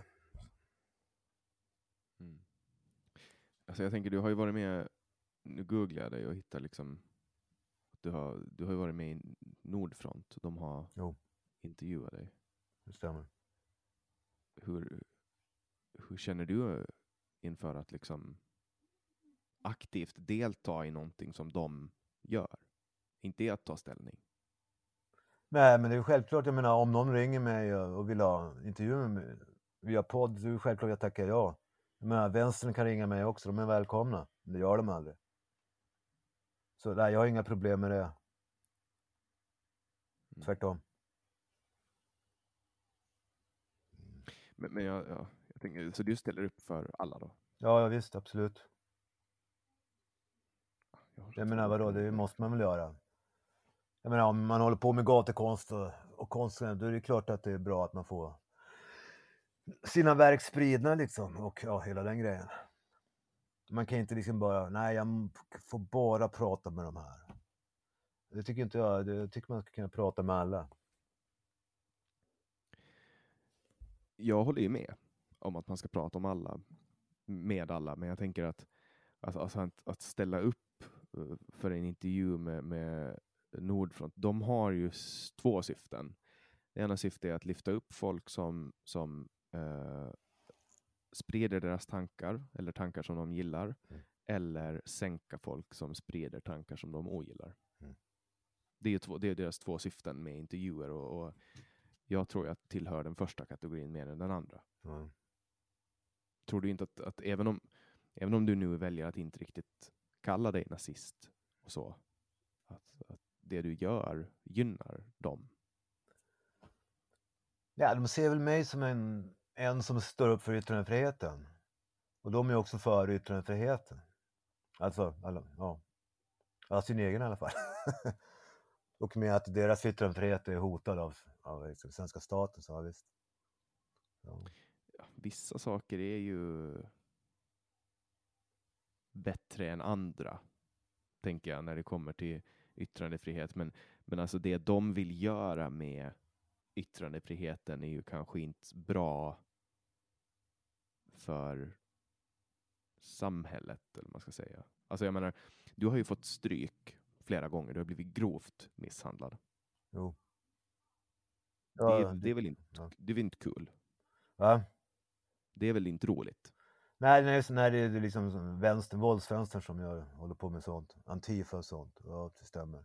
I Köpenhamn kallar de sig autonoma. Nej, det, det, menar, det, det är de sådana slog som... ju sönder ditt öga en gång, riktigt ordentligt. Ja, det var i Köpenhamn, det stämmer. Och, och tänk då att du går på gatan och någon gör så mot dig bara för att du är vit. Mm. Det, det skulle ju vara, alltså att du skulle få utstå det. Nu fick ju du utstå det på grund av att du har åsikter som är, eller du gör saker som är klandervärda. Ja, och att jag är vit. Jag tror inte det har att göra med Jo, att men. Jag Hade jag att varit svart hade de aldrig gjort det, för då hade de ju själv blivit kallade rasister. Eller hur? Men alltså om du skulle, om du skulle göra konst med ehm, de här grejerna som du gör nu och, och, och vara svart så tror jag du skulle få lika mycket reaktioner. Du tror det? Nej, jag tror inte det. Folk skulle väl kanske vara lite mindre, eh, alltså lite mer förvirrade kanske. Mm. Men jag tror, alltså över varför, varför, men jag tror fortfarande att du skulle bli liksom att du skulle få stryk och så. Ja, det är möjligt. Ja, du menar Jack Arklöv skulle kanske få stryk i han är nazist en gång i tiden? Ja, ja, det är möjligt. Även fast han är svart menar jag. Hur många gånger har du fått eh, stryk då? Alltså grovt. Ja, där du alltså, ja men, alltså är det så många gånger att, att du inte kan räkna det eller är det Ja, alltså det beror på vad du menar med stryk alltså. ja, fysiskt handgemäng?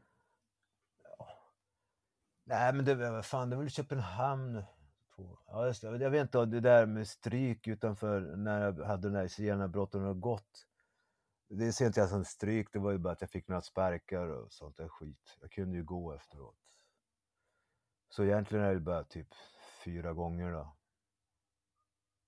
Ja. Stämmer. Mm. Och hur, hur, hur reagerar du när det händer? Just när det händer eller efteråt? Ja, alltså när det händer, så försvarar du dig eller bara lägger du dig ner och tar? Ja, det är, alltså lägger ni, alltså de, de sparkar ju ner en direkt på marken så. De kommer ju aldrig framifrån, det vågar de inte, utan de, de har fem pers bakifrån minst. Och sparkar ner på marken och sen står de och sparkar på en. Så vad kan man göra? Ja, det är bara ligga där och vänta tills de sticker därifrån. Och sen leta, leta vars fan glasögonen har hamnat. Hoppas att de klarar sig. Mm. Så Hur många gånger har du fått dina glasögon förstörda? Då? Ja. ja, det är det som är värst, att få glasögonen förstörda. Alltså nu har jag massa glasögon så det är bra reserver. Har någon eh, någonsin blivit dömd för att ha misshandlat dig? Nej, nej precis. De är svåra att få tag på i och med att de är anonyma. De visar mig ju inte sitt pass liksom, för de slår ner mig. Så jag vet inte vilka det är. Ja, det var även de som liksom sparkade ner mig och höll på att slå på mig på den där demonstrationen. När zigenarbrotten har gått. Där tog ju polisen en snubbe. Han hade till och med blod på sin vad sko. Så de hade, de hade bevis allt så här. Men det blev nedlagt för de kunde inte få tag på den personen för han hade, han hade uppgivit fel adress. Så de fick inte tag på honom. Så det lades ner. Det, det låter ju som Sverige. Ja, eller hur? Men mig kan de få tag på. Även fast jag är på ställen där jag inte ens är skriven. Då är Eller om det hets mot folkgrupp. Då, då finns det resurser. Nej, sjukt. Har du någon uh, rättegång på gång nu då? Nej, nu, nej, faktiskt inte. Jag trodde det skulle bli en, för när jag var på en rättegång där, då, då sa jag... Alltså, jag sa, ja, jag vet inte, det var någonting om... Jag sa, ja men... Vad är hets egentligen? Men om jag har ett kvitto där det står 88 och lägger upp på min blogg. 88 betyder Heil Hitler. Ska jag, ska jag liksom bli dömd för hets mot folkgrupp då? Och då sa åklagaren, ja, ja, han sa Heil Hitler här i rätten. Oj, oj. Så då, blev, då fick jag gå på polisförhör för det. Men vad då under metadiskussion så brukar man ju i allmänhet få säga saker som man vanligtvis inte får säga. Ja, precis. Men åklagaren hon tyckte att nej, det här är hets mot folkgrupp. Han gjorde hets mot folkgrupp i, i själva rättegångssalen. Men ja, visst. Jag var på polisförhör, men ja, det gick aldrig upp till åtal, så, så det lades ner. Exakt, man får inte ens förklara liksom. Nej, då åker man dit. Liksom. Nej. Har du förtroende för det svenska rättssystemet? nej, det är helt sjukt. Jag tänker på systemet, inte lagen, men systemet. Systemet? Ja, jag vet inte, jag är inte insatt i systemet. Det är mest, hets mot folkgrupp jag har fått se hur det fungerar. Faktiskt. Har du blivit dömd för någonting annat då? Nej, alltså, förtal har ju också varit med, med affischerna där. När det har varit personer som ja, man vet vilka det är. Så då har blivit dömd för förtal också. När du har gjort så falska löpsedlar och sånt? Nej, det där blev jag inte ens åtalad. Ja, du menar den där Runar brutalt mördad i Malmö? Ja, just det. Ja, typ. Ja. Nej, det, det, jag vet inte, det kanske inte ens Runar. vad var tanken med den då? Va?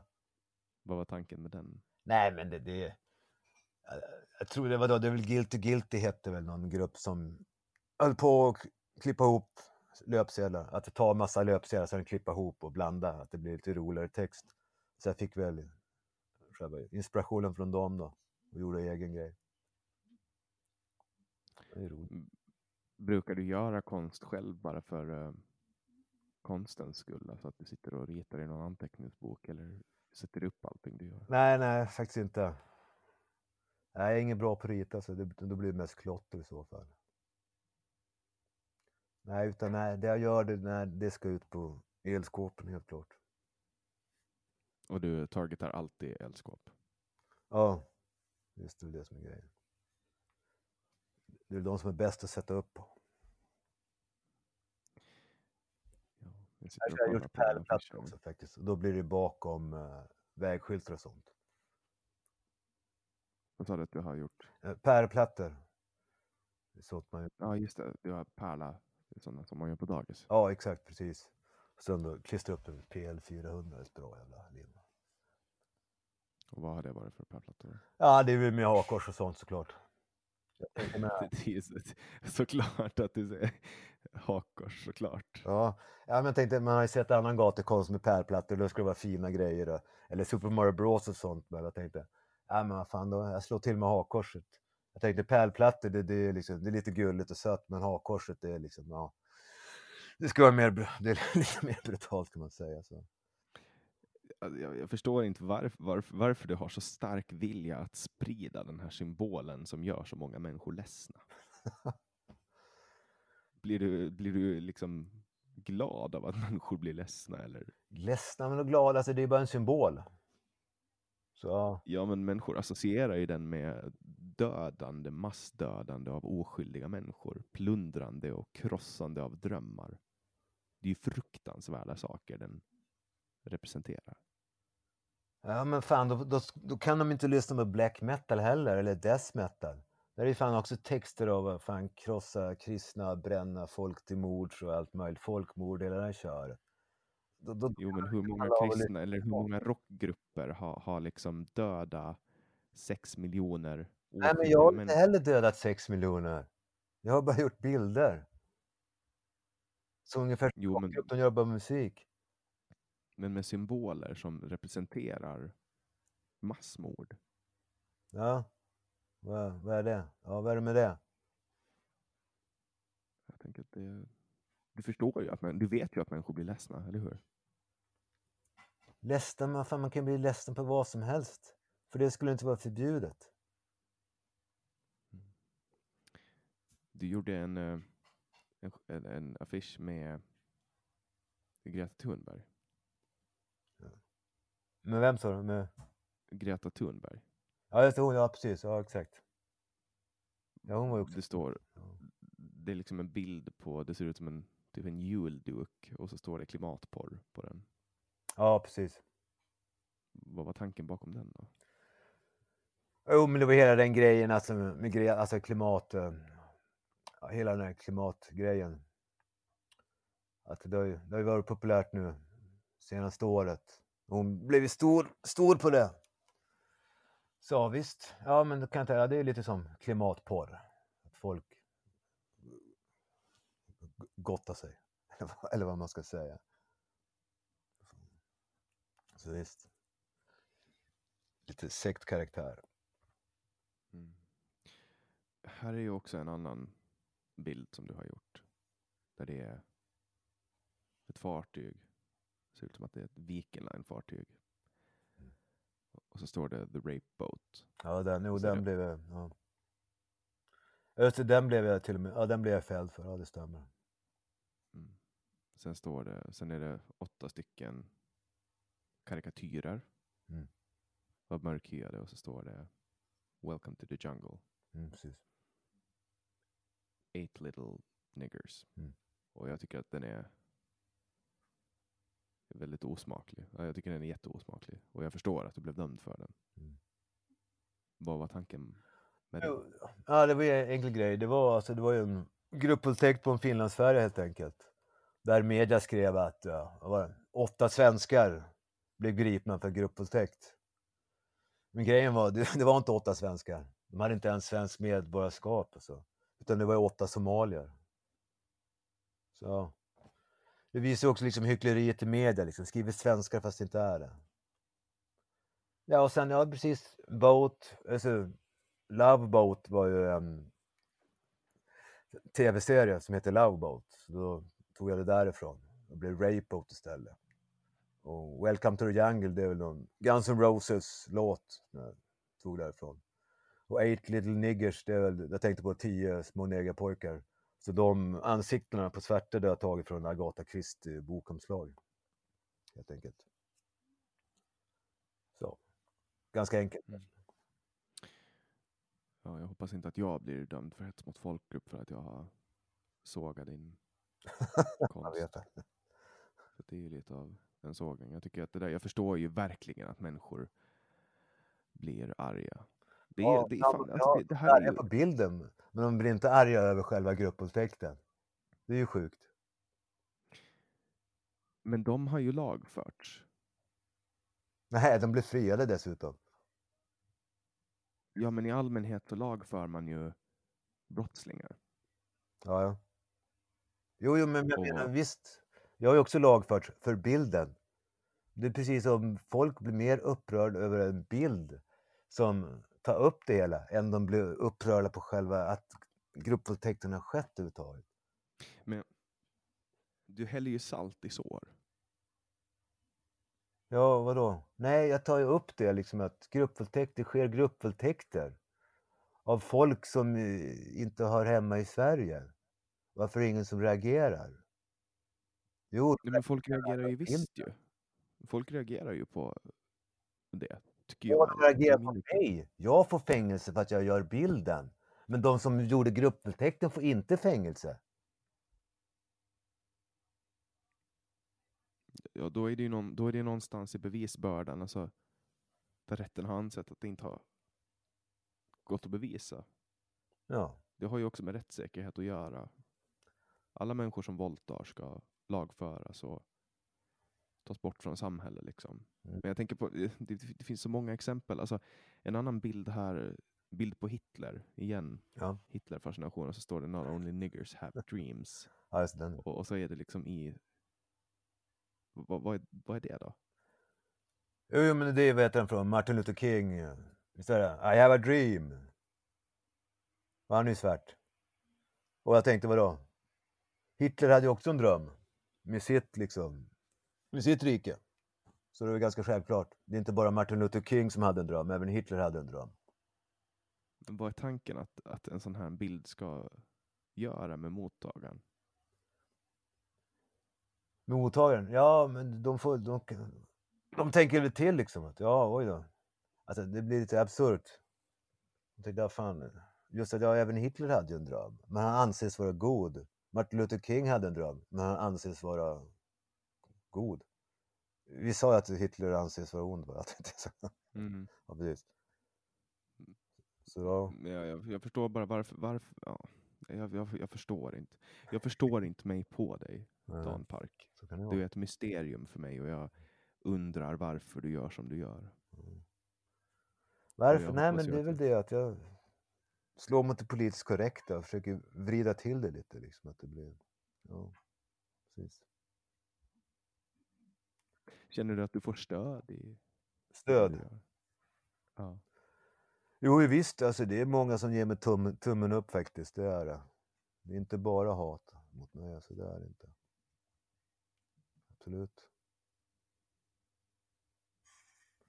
Som är det är många, alltså det är mycket humor i de här bilderna jag gör också. Om man, om man vågar skratta. Men här igen, alltså. Här är också en bild. på Kalles Kaviar-snubben.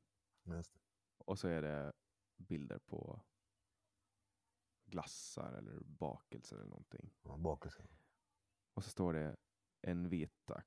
I hate blacks. Mm, precis. Vad, vad, vad, alltså där, för mig är ju det här, alltså, det här är ju så tydligt liksom. Tydligt Det- vadå? det- Nej men alltså, Jo. Ja, grejen var, men den, den blev faktiskt beslagtagen. Den hade jag ju på utställningen i Malmö 2014. Där de beslagtog nio tavlor, men den blev faktiskt fälld i tings, tingsrätt för hets mot folkgrupp, men den blev friad i hovrätt. Så den ansågs inte vara hets mot folkgrupp. Nej, och tanken bakom den, ja det var väl enkelt. Det var helt enkelt ett eh, café jag tror det var i Skåne som hade just de där tre olika bakelserna. Det var en vit, så var det väl en gul och så var det en, en brun eller svart. Så började kla folk klaga på, oj det, det är en svart bakelse här, det är karikatyr. För, för jag trodde även det är öga och, ö, ögon och mun på de där bakelserna. Då genast var det, oj en karikatyr, det här är rasism, en svart bakelse liksom. Oj det är rasism. Då tänkte jag liksom rent logiskt, ja Kalles Kaviar, han är vit. Men varför skulle en vit rasist gå och köpa svarta bakelser? Alltså därför. I, I hate blacks. Så han vill inte ha den svarta bakelsen helt enkelt. Okej. ja, Mm. budskapet som jag fångar upp i alla fall, det är att du inte tycker om svarta. Alltså förstår du vad jag menar? Nej, nej, det är Kalles Kaviar som inte tycker om svarta. Jo, Alltså, men det det är det Kalle. fullt av. Ja. Det är svårt att förklara. Det är svårt att förklara hur jag tänker, men jag menar... Ja, Ja, men jag tycker det är löjligt vadå, att reagera på en på jävla bakverk liksom för att det är brunt och har ögon och mun, att det skulle vara rasism. Det, det tycker jag är löjligt. och det kan jag hålla med dig om i sak. Alltså just när det kommer till de där bakverken, jag kommer ihåg det. Det var ju någon bagare, någon stackars bagare som tänkte att ja, nu lagar vi, nu sätter vi ögon och mun på de här bakelserna och så har vi, här har vi eh, vanlig choklad och här har vi vit choklad liksom. Ja. Så var det någon som tog bilder på det. De bara av, de gjorde människor liksom och choklad är brunt eller vitt. Det är ju inte blått liksom, men skulle chokladen ha varit blå så, så antar jag att mm, bakelsen ska ha varit blå. Men jag förstår det i sak, men, men jag tycker fortfarande att det budskapet som du för fram där, även om det är liksom undermedvetet, så, ehm, så är det ju någon form av undermedveten grej där. Sen har du en bild på Anders Bering, Bering, Bering Breivik där det står Fight the power och så står han och gör en Nej, näve upp, i luften. just den där Black Power-näven gör han. Vad är tanken med den? Ja, det är väl enkelt. Alltså, det är bilder på Breivik då när han gör den där knyter näve upp i luften som även Black Power och Black Panther-rörelsen gjorde. Och det där Fight the Power, det är från Public Enemy då. Det, vet du det, hiphopbandet som, som sjunger Fight the Power och har typ det där kikarsiktet. Så det var bara, det var en direkt rip-off från Public Enemy. Mm. Och in Breivik. För han fightade väl också mot makten så att säga. Ja, eller det han... Alltså han, han targetar ju en specifik grupp av makten. Han, han tog ju socialdemokratiska ungdomar. Ja, precis. Och det är ju... Det är mord. Det var ju fruktansvärda, vidriga mord. Alltså, du, du måste ju förstå att de här sakerna blir... Alltså, du, du har liksom målat dig svart i ansikte och tagit på dig en peruk och så har, står du med en skylt där det står Sweden in solidarity with Black Lives Matter. Ja, precis. Du, du förstår väl? Du blev avstängd från Twitter för det här säger jag. Nej, jo visst Twitter och Facebook de stänger ju av allt sånt där så visst, det förstår jag. Det, censuren går hårt där liksom. Men alltså det är ju, du, du hå- hånar ju Håna? rö, rörelsen när du liksom målar dig själv i ansikte och tar på dig en svart peruk. Vadå? Har inte jag rätt att identifiera mig som svart kvinna? Vadå? Det, påstås att man har rätt att identifiera sig som vad som helst. Så ska jag väl också ha rätt att identifiera mig som svart? Eller hur? ja, jag antar det. Jag vet inte vad jag ska säga. Jag, jag har ju aldrig haft något problem med könsdysfori eller rasdysfori eller whatever det kallas. Men,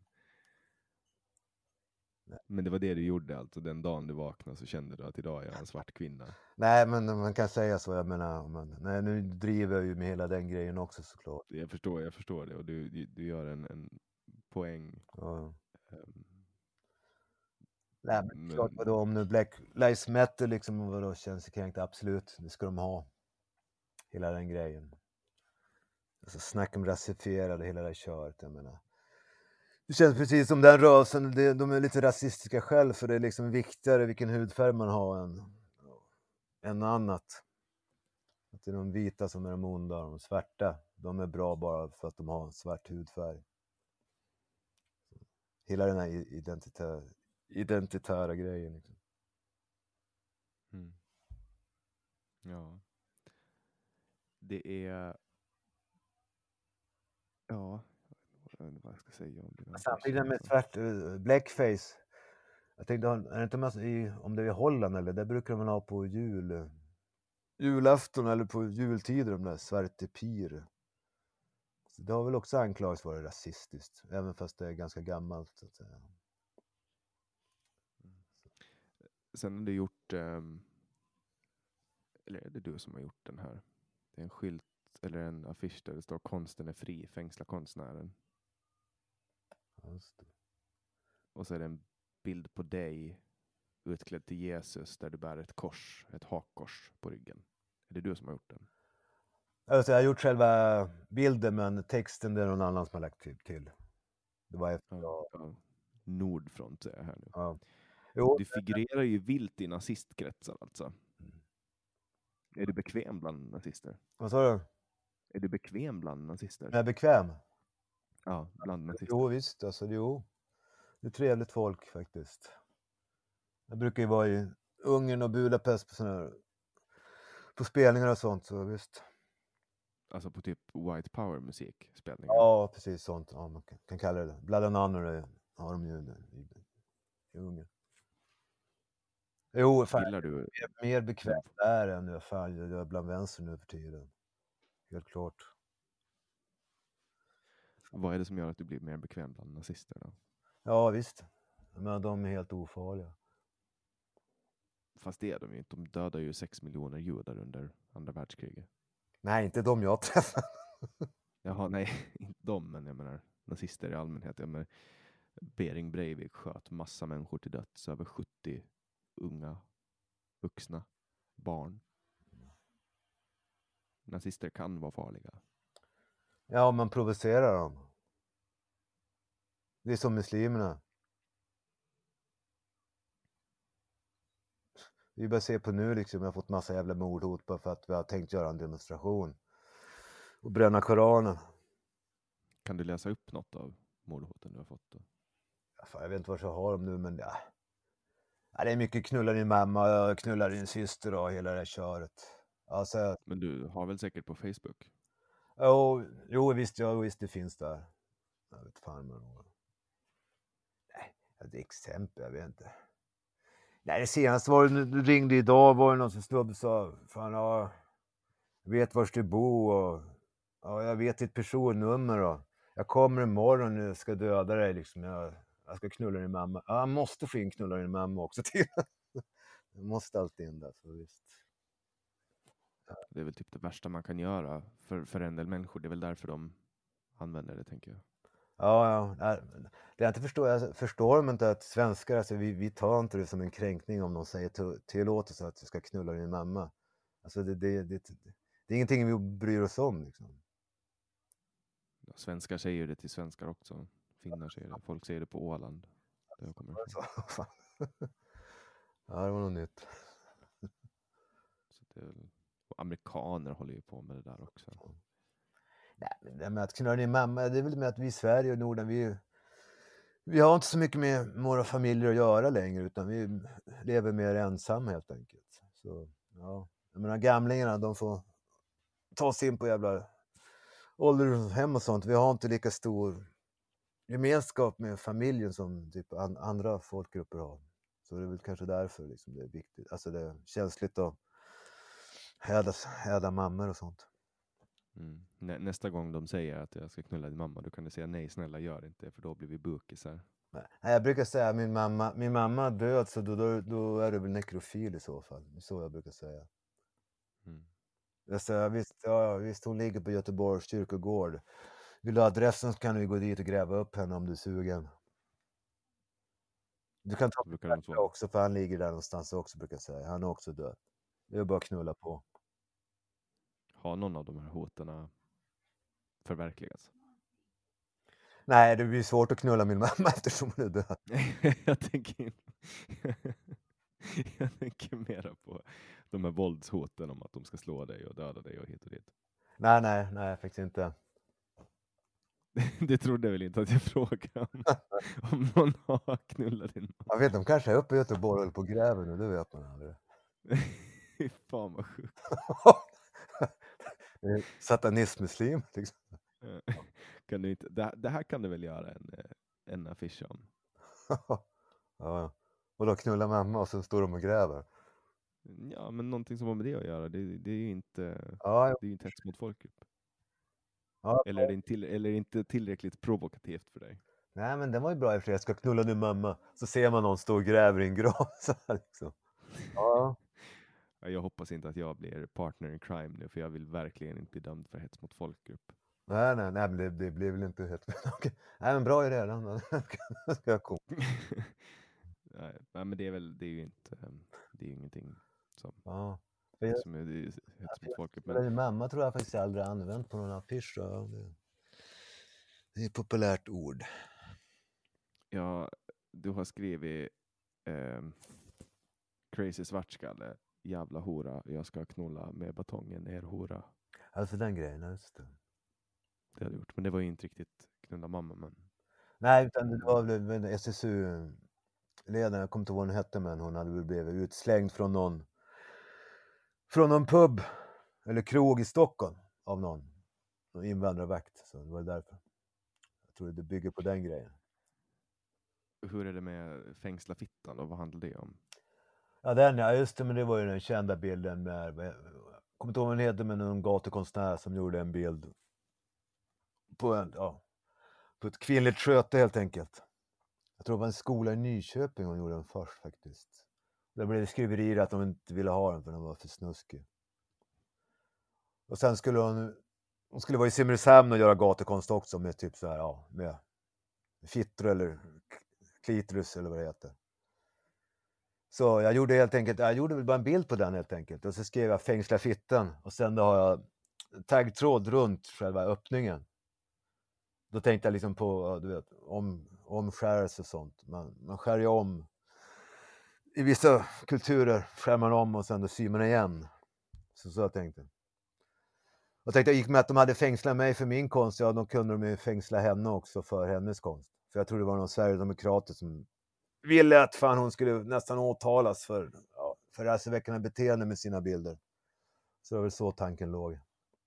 Ja, just, jag tror hon anmälde mig också för polisen för upphovsrättsbrott eller vad fan det var.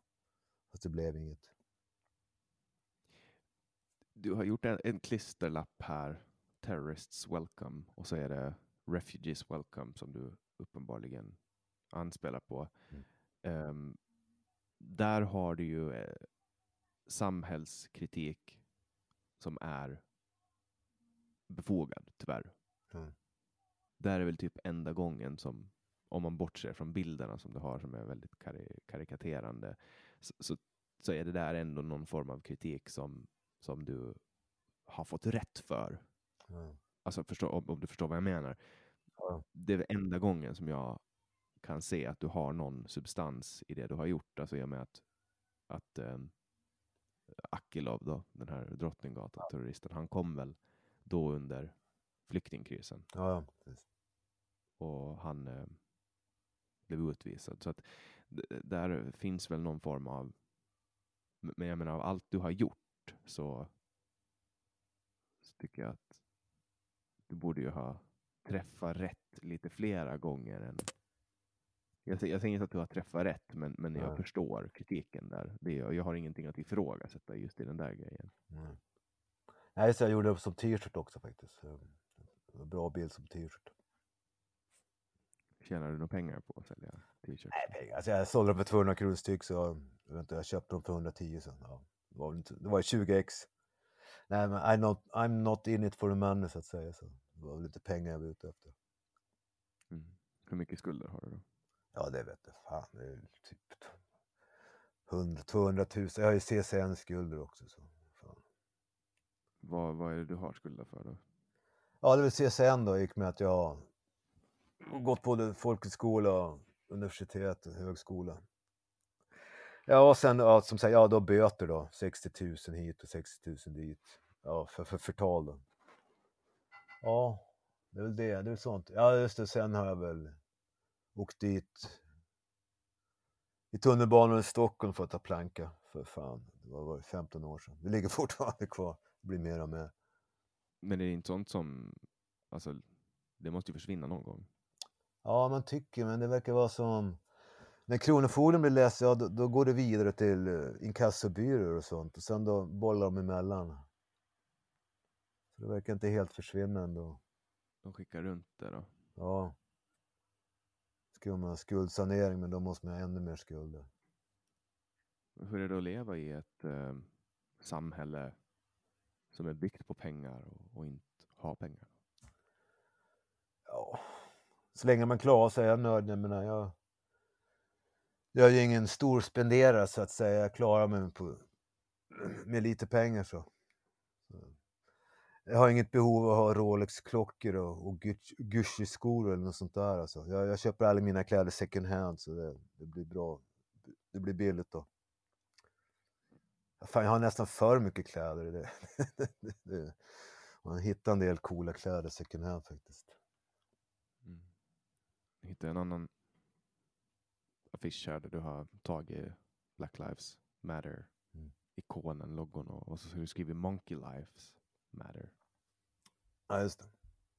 Den är ju också extremt osmaklig, tycker jag. Nej, men jag, jag står ju på djurens sida och jag tycker även apors liv räknas. Jo, men här förstår du ju att, att man drar ju kopplingen till det här gamla fördomarna där man har sagt att svarta människor kommer från djungeln.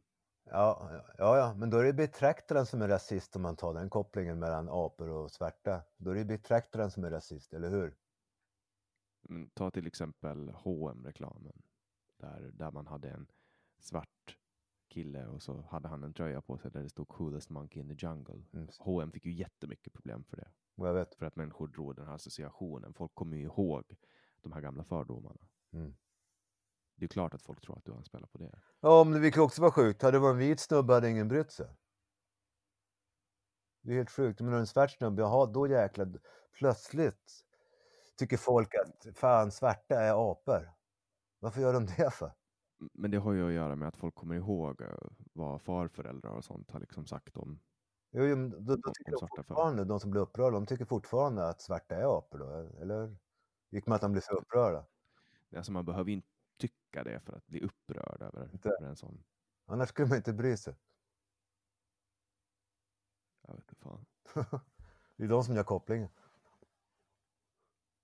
Här har du en annan skylt då. Där står hang on. Ja, afrofobia, ja, just det. Vad, vad, vad tänker du på den då? Det är tre mörkhyade personer i hängsnaror. Ja, Peter Yellow och så är det han som blev attackerad på Kroksbäcksbron där. Ja, det var ju också en grej liksom. Det var, det var en svart man som blev attackerad på Kroksbäcksbron. Media liksom skriker ut rasistdåd, rasistdåd, rasistdåd. Sen när det kommer fram att det var liksom araber som gjorde det, eller kurder som gjorde det, då blir det tvärtyst. För det funkar inte så bra. Fan också, det var inga vita rasister som gjorde det. Det var liksom kurdiska rasister som var på den svarte mannen. Så jag typiskt. Så då gjorde jag den grejen. Ja, då är det, då är det tydligen okej. Det är så här, hang on afrofobians. För då är det helt okej att vara afrofober. Så länge man inte är vit. Då är det bara att fortsätta. Det är så tanken var. Ja, den fälldes ju också för hets mot folkgrupp. Mm. Sen har du skrivit här på en affisch Stockholm syndrome. Och så är det Sara Larsson och Mm. Adam Tensta och så står det pratbubbla eller tankebubbla kommer från Sara Larsson och så står det Our nigger. Vet du, Am- jag tror Am- Malena Ehrman är också med där va? Ja, Jag tror att Mao Nigger, ja precis. Men det var bitches and hoes. grejer, Adam. Tensta, den där hiphoparen. Det var en grej, det var någon TV4 eller någon, någon tjej som hade sagt att ja, negrer är en bra folkgrupp. Alltså positivt. Och då, då, då ordnade Ad- Adam Tensta liksom i studion att att få henne sparkad bara för att hon hade använt ordet neger. Men han själv har gjort det i sina texter, liksom använt ordet nigger. Så, visst. och då Sara Larsson och Malena Ehrman tyckte att det var bra att de sparkade den där tjejen som använde ordet neger och de var på Adam Tenstads sida. Det var det bilden bygger på, Stockholm Synström. Ja, liksom, yeah, Adam Tensta, he's our nigger helt enkelt. Ja, den blev jag också fälld för hets mot folkgrupp. Mm.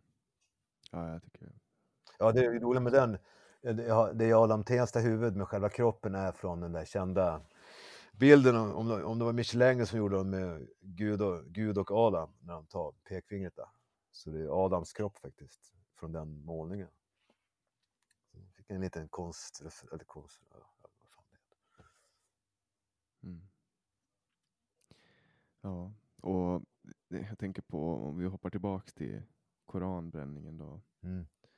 Ehm, han eh, Rasmus Paludan, han, han fick ju inreseförbud i Sverige. Vem var det som fattade det beslutet? Vilken nivå av tjänstemän var det? Jag vet faktiskt inte, det verkar som det är Malmöpolisen som har gjort det. Men jag vet inte om de hade order uppifrån, om det var svenska staten då, eller om de själv tog initiativet. gick med att det är två år också. Det känns ju precis, ja men två år, vi har val om två år. Så de vill inte ha in Rasmus Paludan innan valet har varit. Så att han inte kan påverka det. Så det känns ju lite att det kommer uppifrån den där jävla ordern. Ja, det är helt, helt sjukt. Han har inte gjort något brottsligt i Sverige. Han skulle inte göra något brottsligt i Sverige. Så det är helt... Det känns konstigt att de kan stoppa honom. Så jag hoppas han överklagar det här Migrationsverket. Alltså det verkar vara det är rättsövergrepp. Mm. Och han, är ju, han driver då ett parti som heter Stramkurs som, som är uttalat att de vill stoppa islamisering av Danmark då, som de kallar det. Um, vad, alltså är det anledningen att du gjorde det här med honom, var det för att du, du sympatiserar med hans tankar kring det eller? Ja, ja, ja, jag är emot islamering såklart, absolut. I och med att den, det är ett hot mot yttrandefriheten. Alltså. På vilket sätt är det ett hot mot yttrandefriheten? Jo, jo, men att islam, det, det, såg vi nu. Svenska staten, eller polis ansåg sig vara tvungen att ställa in vår demonstration på grund av säkerhetsrisk och hotbild. Alltså islam är en hot mot yttrandefriheten. Ja, och sen kan vi ta Lars Vilks, visst. Det finns hur många exempel som helst att islam är ett hot mot yttrandefriheten här uppe i Norden. Skillnaden på dig och, och Lars Vilks är ju att han gjorde väl bara rondellhundarna en gång och, och han håller liksom inte på med Hitler fram och tillbaks och ställer upp i Nordiska motståndsrörelsen. Nej, nej, han är väl känd för det och Nimes då. Och sen blev han väl känd för den här rondellhunden som han har gjort i ett antal olika variationer. Så ja, visst, nej. Så det där han. Nej, jag har väl mera, jag har väl mera ämnen att, som jag behandlar i mina affischer, helt klart. Alltså, Vad är syftet med ditt liv just nu känner du? syftet med vad? Mitt liv? Med ditt liv? Ja. Nej, alltså, jag, jag, jag förstår att det lät konstigt. Jag tänker så här, jag kan ju förklara vad mitt syfte är. Mitt syfte med livet är att, att du vet, eh, bilda en lycklig familj och påverka världen eh, enligt det jag tror på. Okej. Så det var mer en filosofisk fråga. Jag, jag menar inte att förminska dig till ett kryp. Nej. Typ. Nej, sånt där. Alltså, syftet med mitt liv, det är, nej, det är inte att skaffa familj och vovve, Volvo. Vad fan säger man? Vovve, villa, hund eller vad fan det är. Nej. Vovve, villa, husvagn. Ja, husvagn. ja, husvagn skulle jag behöva. Du kan, kan få en av kommunen. ja, ja, precis. Det skulle inte vara helt fel. Nej, alltså det syftet, jag vet inte. Jag tror att när jag bodde i Umeå, då fanns det någon jävla lokal nöjestidskrift där.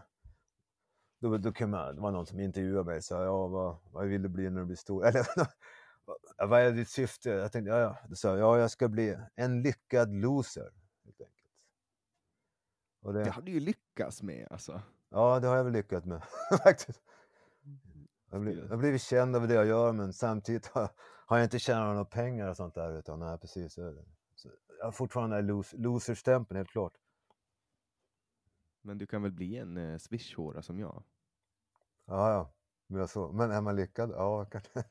Brukar du få, brukar du få swishar av folk? Ja, jo, det händer absolut. Faktiskt. Det är det som är trevliga. Det är ingenting man kan leva på i och för sig. Ja, det beror på. Du kan ju sätta dig i någon bil och skrika som Joakim Lamotte. Ja, jo, precis. Han har, ingen, nu har mitt körkort indraget. Då åker jag dit för olaga kör. Varför är det indraget då?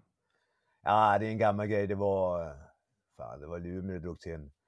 Ja, det var några kompisar vi satt och drack liksom och sen då skulle jag skjutsa ner dem ner till stan med min kompis bil. Men sen, då var det dagen efter, då blev det blåskontroll. De gick ut och vinglade, de var ju fortfarande packade. De gick ut och vinglade de skulle till banken. Och då, tog poli, då, då kollade polisen mig också. Jag hade tydligen kvar alkohol i, i utandningen för att det var dagen efter. Det, det var li- Du har fyll- fyllerkörning alltså? Ja, nej, vi körde, nej, vi körde inte, vi stod, stod på parkeringen. Men du körde bilen? Ja, jo, till, dit, dit gjorde jag, ja precis, ja jag gjorde det. Men jag, jag kände mig inte påverkad utan det var det, var- det, det att det var kvar. Men grejen, sen då fick jag tillbaka körkortet efter, vad fan var det, tre månader. Men sen då plötsligt drogs det in igen för jag hamnade i fyllecell. Och då, alltså, bara gående, du vet man kan hamna, att man är på stan, sätter sig på en parkbänk full, hamnar i fyllecell. Då drog de in det igen, även fast det inte var samband med bilkörning. Och sen har jag inte orkat söka tillbaka det igen. Det är ju jävligt konstigt att du kan bli av med körkortet för att du går runt och är full på stan. Ja, precis. De menar onyktert leverne eller vad fan de menar. Nej, jag tycker också det är konstigt. Ja, det är ju förvisso mm, att om man visar att man typ har eh, alkoholistiska tendenser och sånt, men då ska man väl kanske typ erbjudas vård Ja, ja precis. eller något liknande. Nej.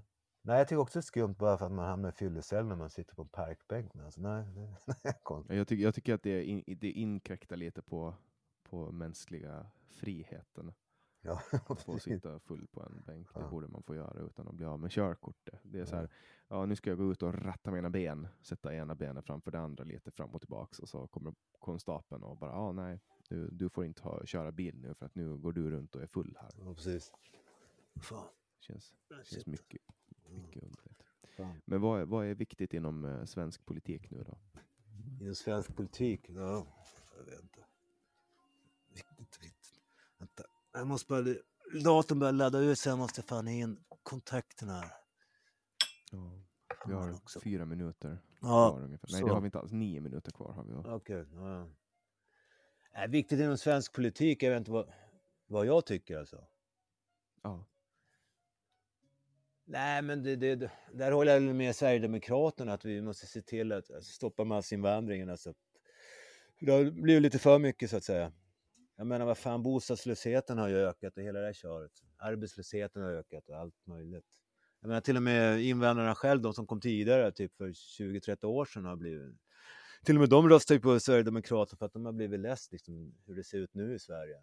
Ja, med kriminalitet och skjutning och allt det där. Ja. Det, det är väl det, det viktigaste. Det, det, det är väl den viktigaste frågan nu i Sverige i alla fall, tycker jag. Sen är det med klimat och miljögrejerna, visst, visst, det är också viktigt, absolut, men det måste ju ske globalt. Att bara vi i Sverige har liksom skatt på plastpåsar, det, det hjälper inte ett skit. Det, det hjälper ingenting, det, det tror jag inte. Det är ett slag i luften. varit, hade varit på skolstrejk för klimatet. Alltså den grejen, ja. Nej, men exakt. Nej, något sånt har inte jag på sig. Nej.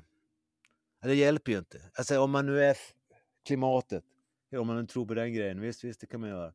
Men jag tycker det är viktigare, det är miljön alltså. Hela det jäkla, hur människan förstör, alltså den ekologiska balansen. Då, då är det ju viktigt att få ner befolkningsmängden. Alltså det är överbefolkningen, det är det som är problemet mot klimatet och mot miljöförstörelsen. Så det är väl den frågan man måste ta tag i. Men det, det, det verkar vara tabu, liksom. för ingen inom klimatrörelsen har, har nämnt att försöka få ner befolkningsmängden i jorden. Alltså det, det är helt... Jag skulle vilja påstå att 80 procent av hela globala befolkningen måste liksom decimeras om det överhuvudtaget ska bli ekologiskt hållbart. Alltså. Och hur, hur föreslår du att man, man gör det här då? Ja, det vet fan hur man ska göra det. För att hitta på något biologiskt vapen, eller, eller vapen, biologiskt. Nej, jag vet faktiskt inte hur man ska lyckas med det. För det, det kan bli tvärtom, att det blir mer och mer människor som dessutom måste ha mer och mer, alltså, man får mer och mer pengar, de måste ha mer och mer varor, slit och släng liksom. Det, det är inte som förr i tiden att man kunde leva självhushåll i skogen och sånt. Nej, nej, utan nu, det är massa jävla, det är varor hit och varor dit. Och det, nej. Vem ska, vem ska dö först om man ska decimera 80 procent av befolkningen? Dö först, sånt kan man ju inte säga. Det är ungefär som vad fan, vem dör först liksom i en djurfabrik? Ja, det tar, men det, det är inte så jävla noga. För alla grisar ser ju likadana vem får, vem får överleva då? Vilket folkslag får överleva? Folkslag? Ja. Äh, du menar vilka som är mest uh, tärande på jorden då? Jordklotet? Ja, det borde ju vara de som bor liksom uh, som bor i städer och sliter och slänger liksom. De som bor i djungeln och sköter sig själva, då, de är väl inget större hot mot själva ekologiska balansen. Faktiskt inte. Men du är, du är djurvän eh, ända in i själen då? Ja, jo visst, absolut. Vad, vad har du för hund? Ja, men vi har ingen rätt att utnyttja djur överhuvudtaget. Mm. Vad, vad har du för hundras? Jag hör att du har en hund i bakgrunden. Vad sa du? Vad har du för hundras? Jag har ingen. Det är min, min kompis hund. Det, jag, jag, jag har inget husdjur själv. Faktiskt. Ja, det är en liten, jag vet inte fan vad det är. Ska jag fråga? Vad är det för ras på hunden? Jag är ditt ex. Ja, men, nej, du har, hon vet inte vilken ras det är på hunden. Det är Cane Terrier Powderpuff. Va? Cane Terrier Powderpuff. Ja, men finns det någon bättre ord på det? det är väl det det är. Ja, terrier och powderpuff. Ja, det är en terrier. Blandras, okej. Okay. Men eh, vad, vad, vad, gör du för um, djurrättsaktivismformer då? Jag, jag, tänker att det finns liksom inte så mycket av det i din konst. Nej, nej det är inte. Nej, det är väl det att någon, en gång gjorde jag en affisch på ja, det var en minkfarm och sen är det ju liksom aldrig mer. Så var det annat. Jag jämförde det med förintelsen då. Att minkfarmen, det är typ samma sak. Det är, det är en sån grej man har gjort. Annars gör jag väl inte så mycket rent. Jag har inte varit engagerad i djurrättsrörelsen eller något sånt, utan det, det är bara att jag är vegan helt enkelt och försöker köra den grejen. Det var inte lika kul att göra, göra sånt som folk inte blev arga på och typ ville dra dig till rätta för? Just det. Eller? Ja, vadå, du menar att det skulle vara roligt? Nej, vadå? Nej, men jag tänker att alltså, jag, du brinner för djurrättsaktivism. Ja, men jag har liksom aldrig varit engagerad och liksom, jag har aldrig bränt ner skanen och sånt där grejer. Så det är väl mer en grej jag ja, kör själv. Lite sån fritidsgrej då? Ja, visst. Mm. Ja, ja. Samtidigt, ja, veganism och djurrättsaktivism, det är ju också provokativt man tänker efter. Alltså, i alla, alla, alla fall eh, mot Sverigedemokrater och mot sådana som mot, ja, mot moderater och sånt. De blir jävligt provocerade av veganism och djurrättsaktivism. Så visst, där, där, där kan man ju ha en... De kan man lätt provocera om jag kör lite vegan och djurrätt, alltså, absolut. Kan du inte tänka dig att börja bara äta kött då för att eh, provocera nej, nej, nej, nej, nej för fan. Provocera mig själv. ja. ja. Eller provocera vänstern, tycker jag. Nej. Du, nej, nej. Nej. Det tror jag inte. Vänstern, jag menar, de verkar mest på veganer bara för att det ingår i deras ryggsäck. Det är det liksom. De verkar inte vara större. Verkar inte bry sig så mycket mer ändå. Ska ingå i deras ryggsäck med antirasism och hela det här köret. Så ja, vi är lika bra att bli veganer också. Så har vi mm. ryggsäcken full. Så känns, mm. så känns det i alla fall. Ja, och nu, nu har vi avverkat två timmar. Jag kanske har varit lite jobbig med dig idag. Um, jag sa ju att det här ska vara ett samtal. Det känns mest som, som att jag har stillat min nyfikenhet genom att uh, ställa massa frågor. Mm. Uh, Men jag hoppas att du fick ut någonting av det och att Det var inga problem. Eh, Två timmar, eh, det gick ganska fort känns det i alla fall. Det var inga problem. Lugnt. Och jag tackar så jättemycket för att du tog dig tid att, att spela in det här samtalet med mig. Och till alla er som har lyssnat så ni får gärna fortsätta önska gäster. Det kan ni göra på www.samtal.ax. Eh, det finns ett litet formulär där som ni kan fylla i. Och ni får gärna också stödja det här projektet genom att gå in på patreon.com samtal och bli Patreon och skänka, donera pengar på månadsbasis. Ni kan också swisha mig på 070-3522 472. Eh, det är mycket, mycket uppskattat. Det finns också länk till Paypal på hemsidan www.samtal.ax. Vi släpper nya samtal alla onsdagar året runt. Jag heter Jannik Svensson och du har lyssnat på podcasten Samtal. Mom deserves the best, and there's no better place to shop for Mother's Day than Whole Foods Market. They're your destination for unbeatable savings, from premium gifts to show-stopping flowers and irresistible desserts. Start by saving 33% with Prime on all body care and candles. Then get a 15-stem bunch of tulips for just $9.99 each with Prime. Round out Mom's menu with festive rosé, irresistible berry chantilly cake, and more special treats. Come celebrate Mother's Day at Whole Foods Market. Here's a cool fact a crocodile can't stick out its tongue. Another cool fact you can get short term health insurance for a month or just under a year in some states. United Healthcare short term insurance plans are designed for people who are between jobs, coming off their parents' plan, or turning a side hustle into a full time gig. Underwritten by Golden Rule Insurance Company, they offer flexible, budget friendly coverage with access to a nationwide network of doctors and hospitals. Get more cool facts about United Healthcare short term plans at uh1.com. When you make decisions for your company, you look for the no brainers. And if you have a lot of mailing to do, stamps.com is the ultimate no brainer. It streamlines your processes to make your business more efficient, which makes you less busy. Mail checks, invoices, legal documents, and everything you need to keep your business running with stamps.com. Seamlessly connect with every major marketplace and shopping cart. Schedule package pickups and see your cheapest and fastest shipping options from different carriers with rates up to 89% off USPS and UPS rates. And with the stamps.com mobile app, you can take care of mailing and shipping wherever you are. Make the same no-brainer decision as over 1 million other businesses with stamps.com. Sign up with code program for a 4-week trial plus free postage and a free digital scale. No long-term commitments or contracts. That's stamps.com. Code program.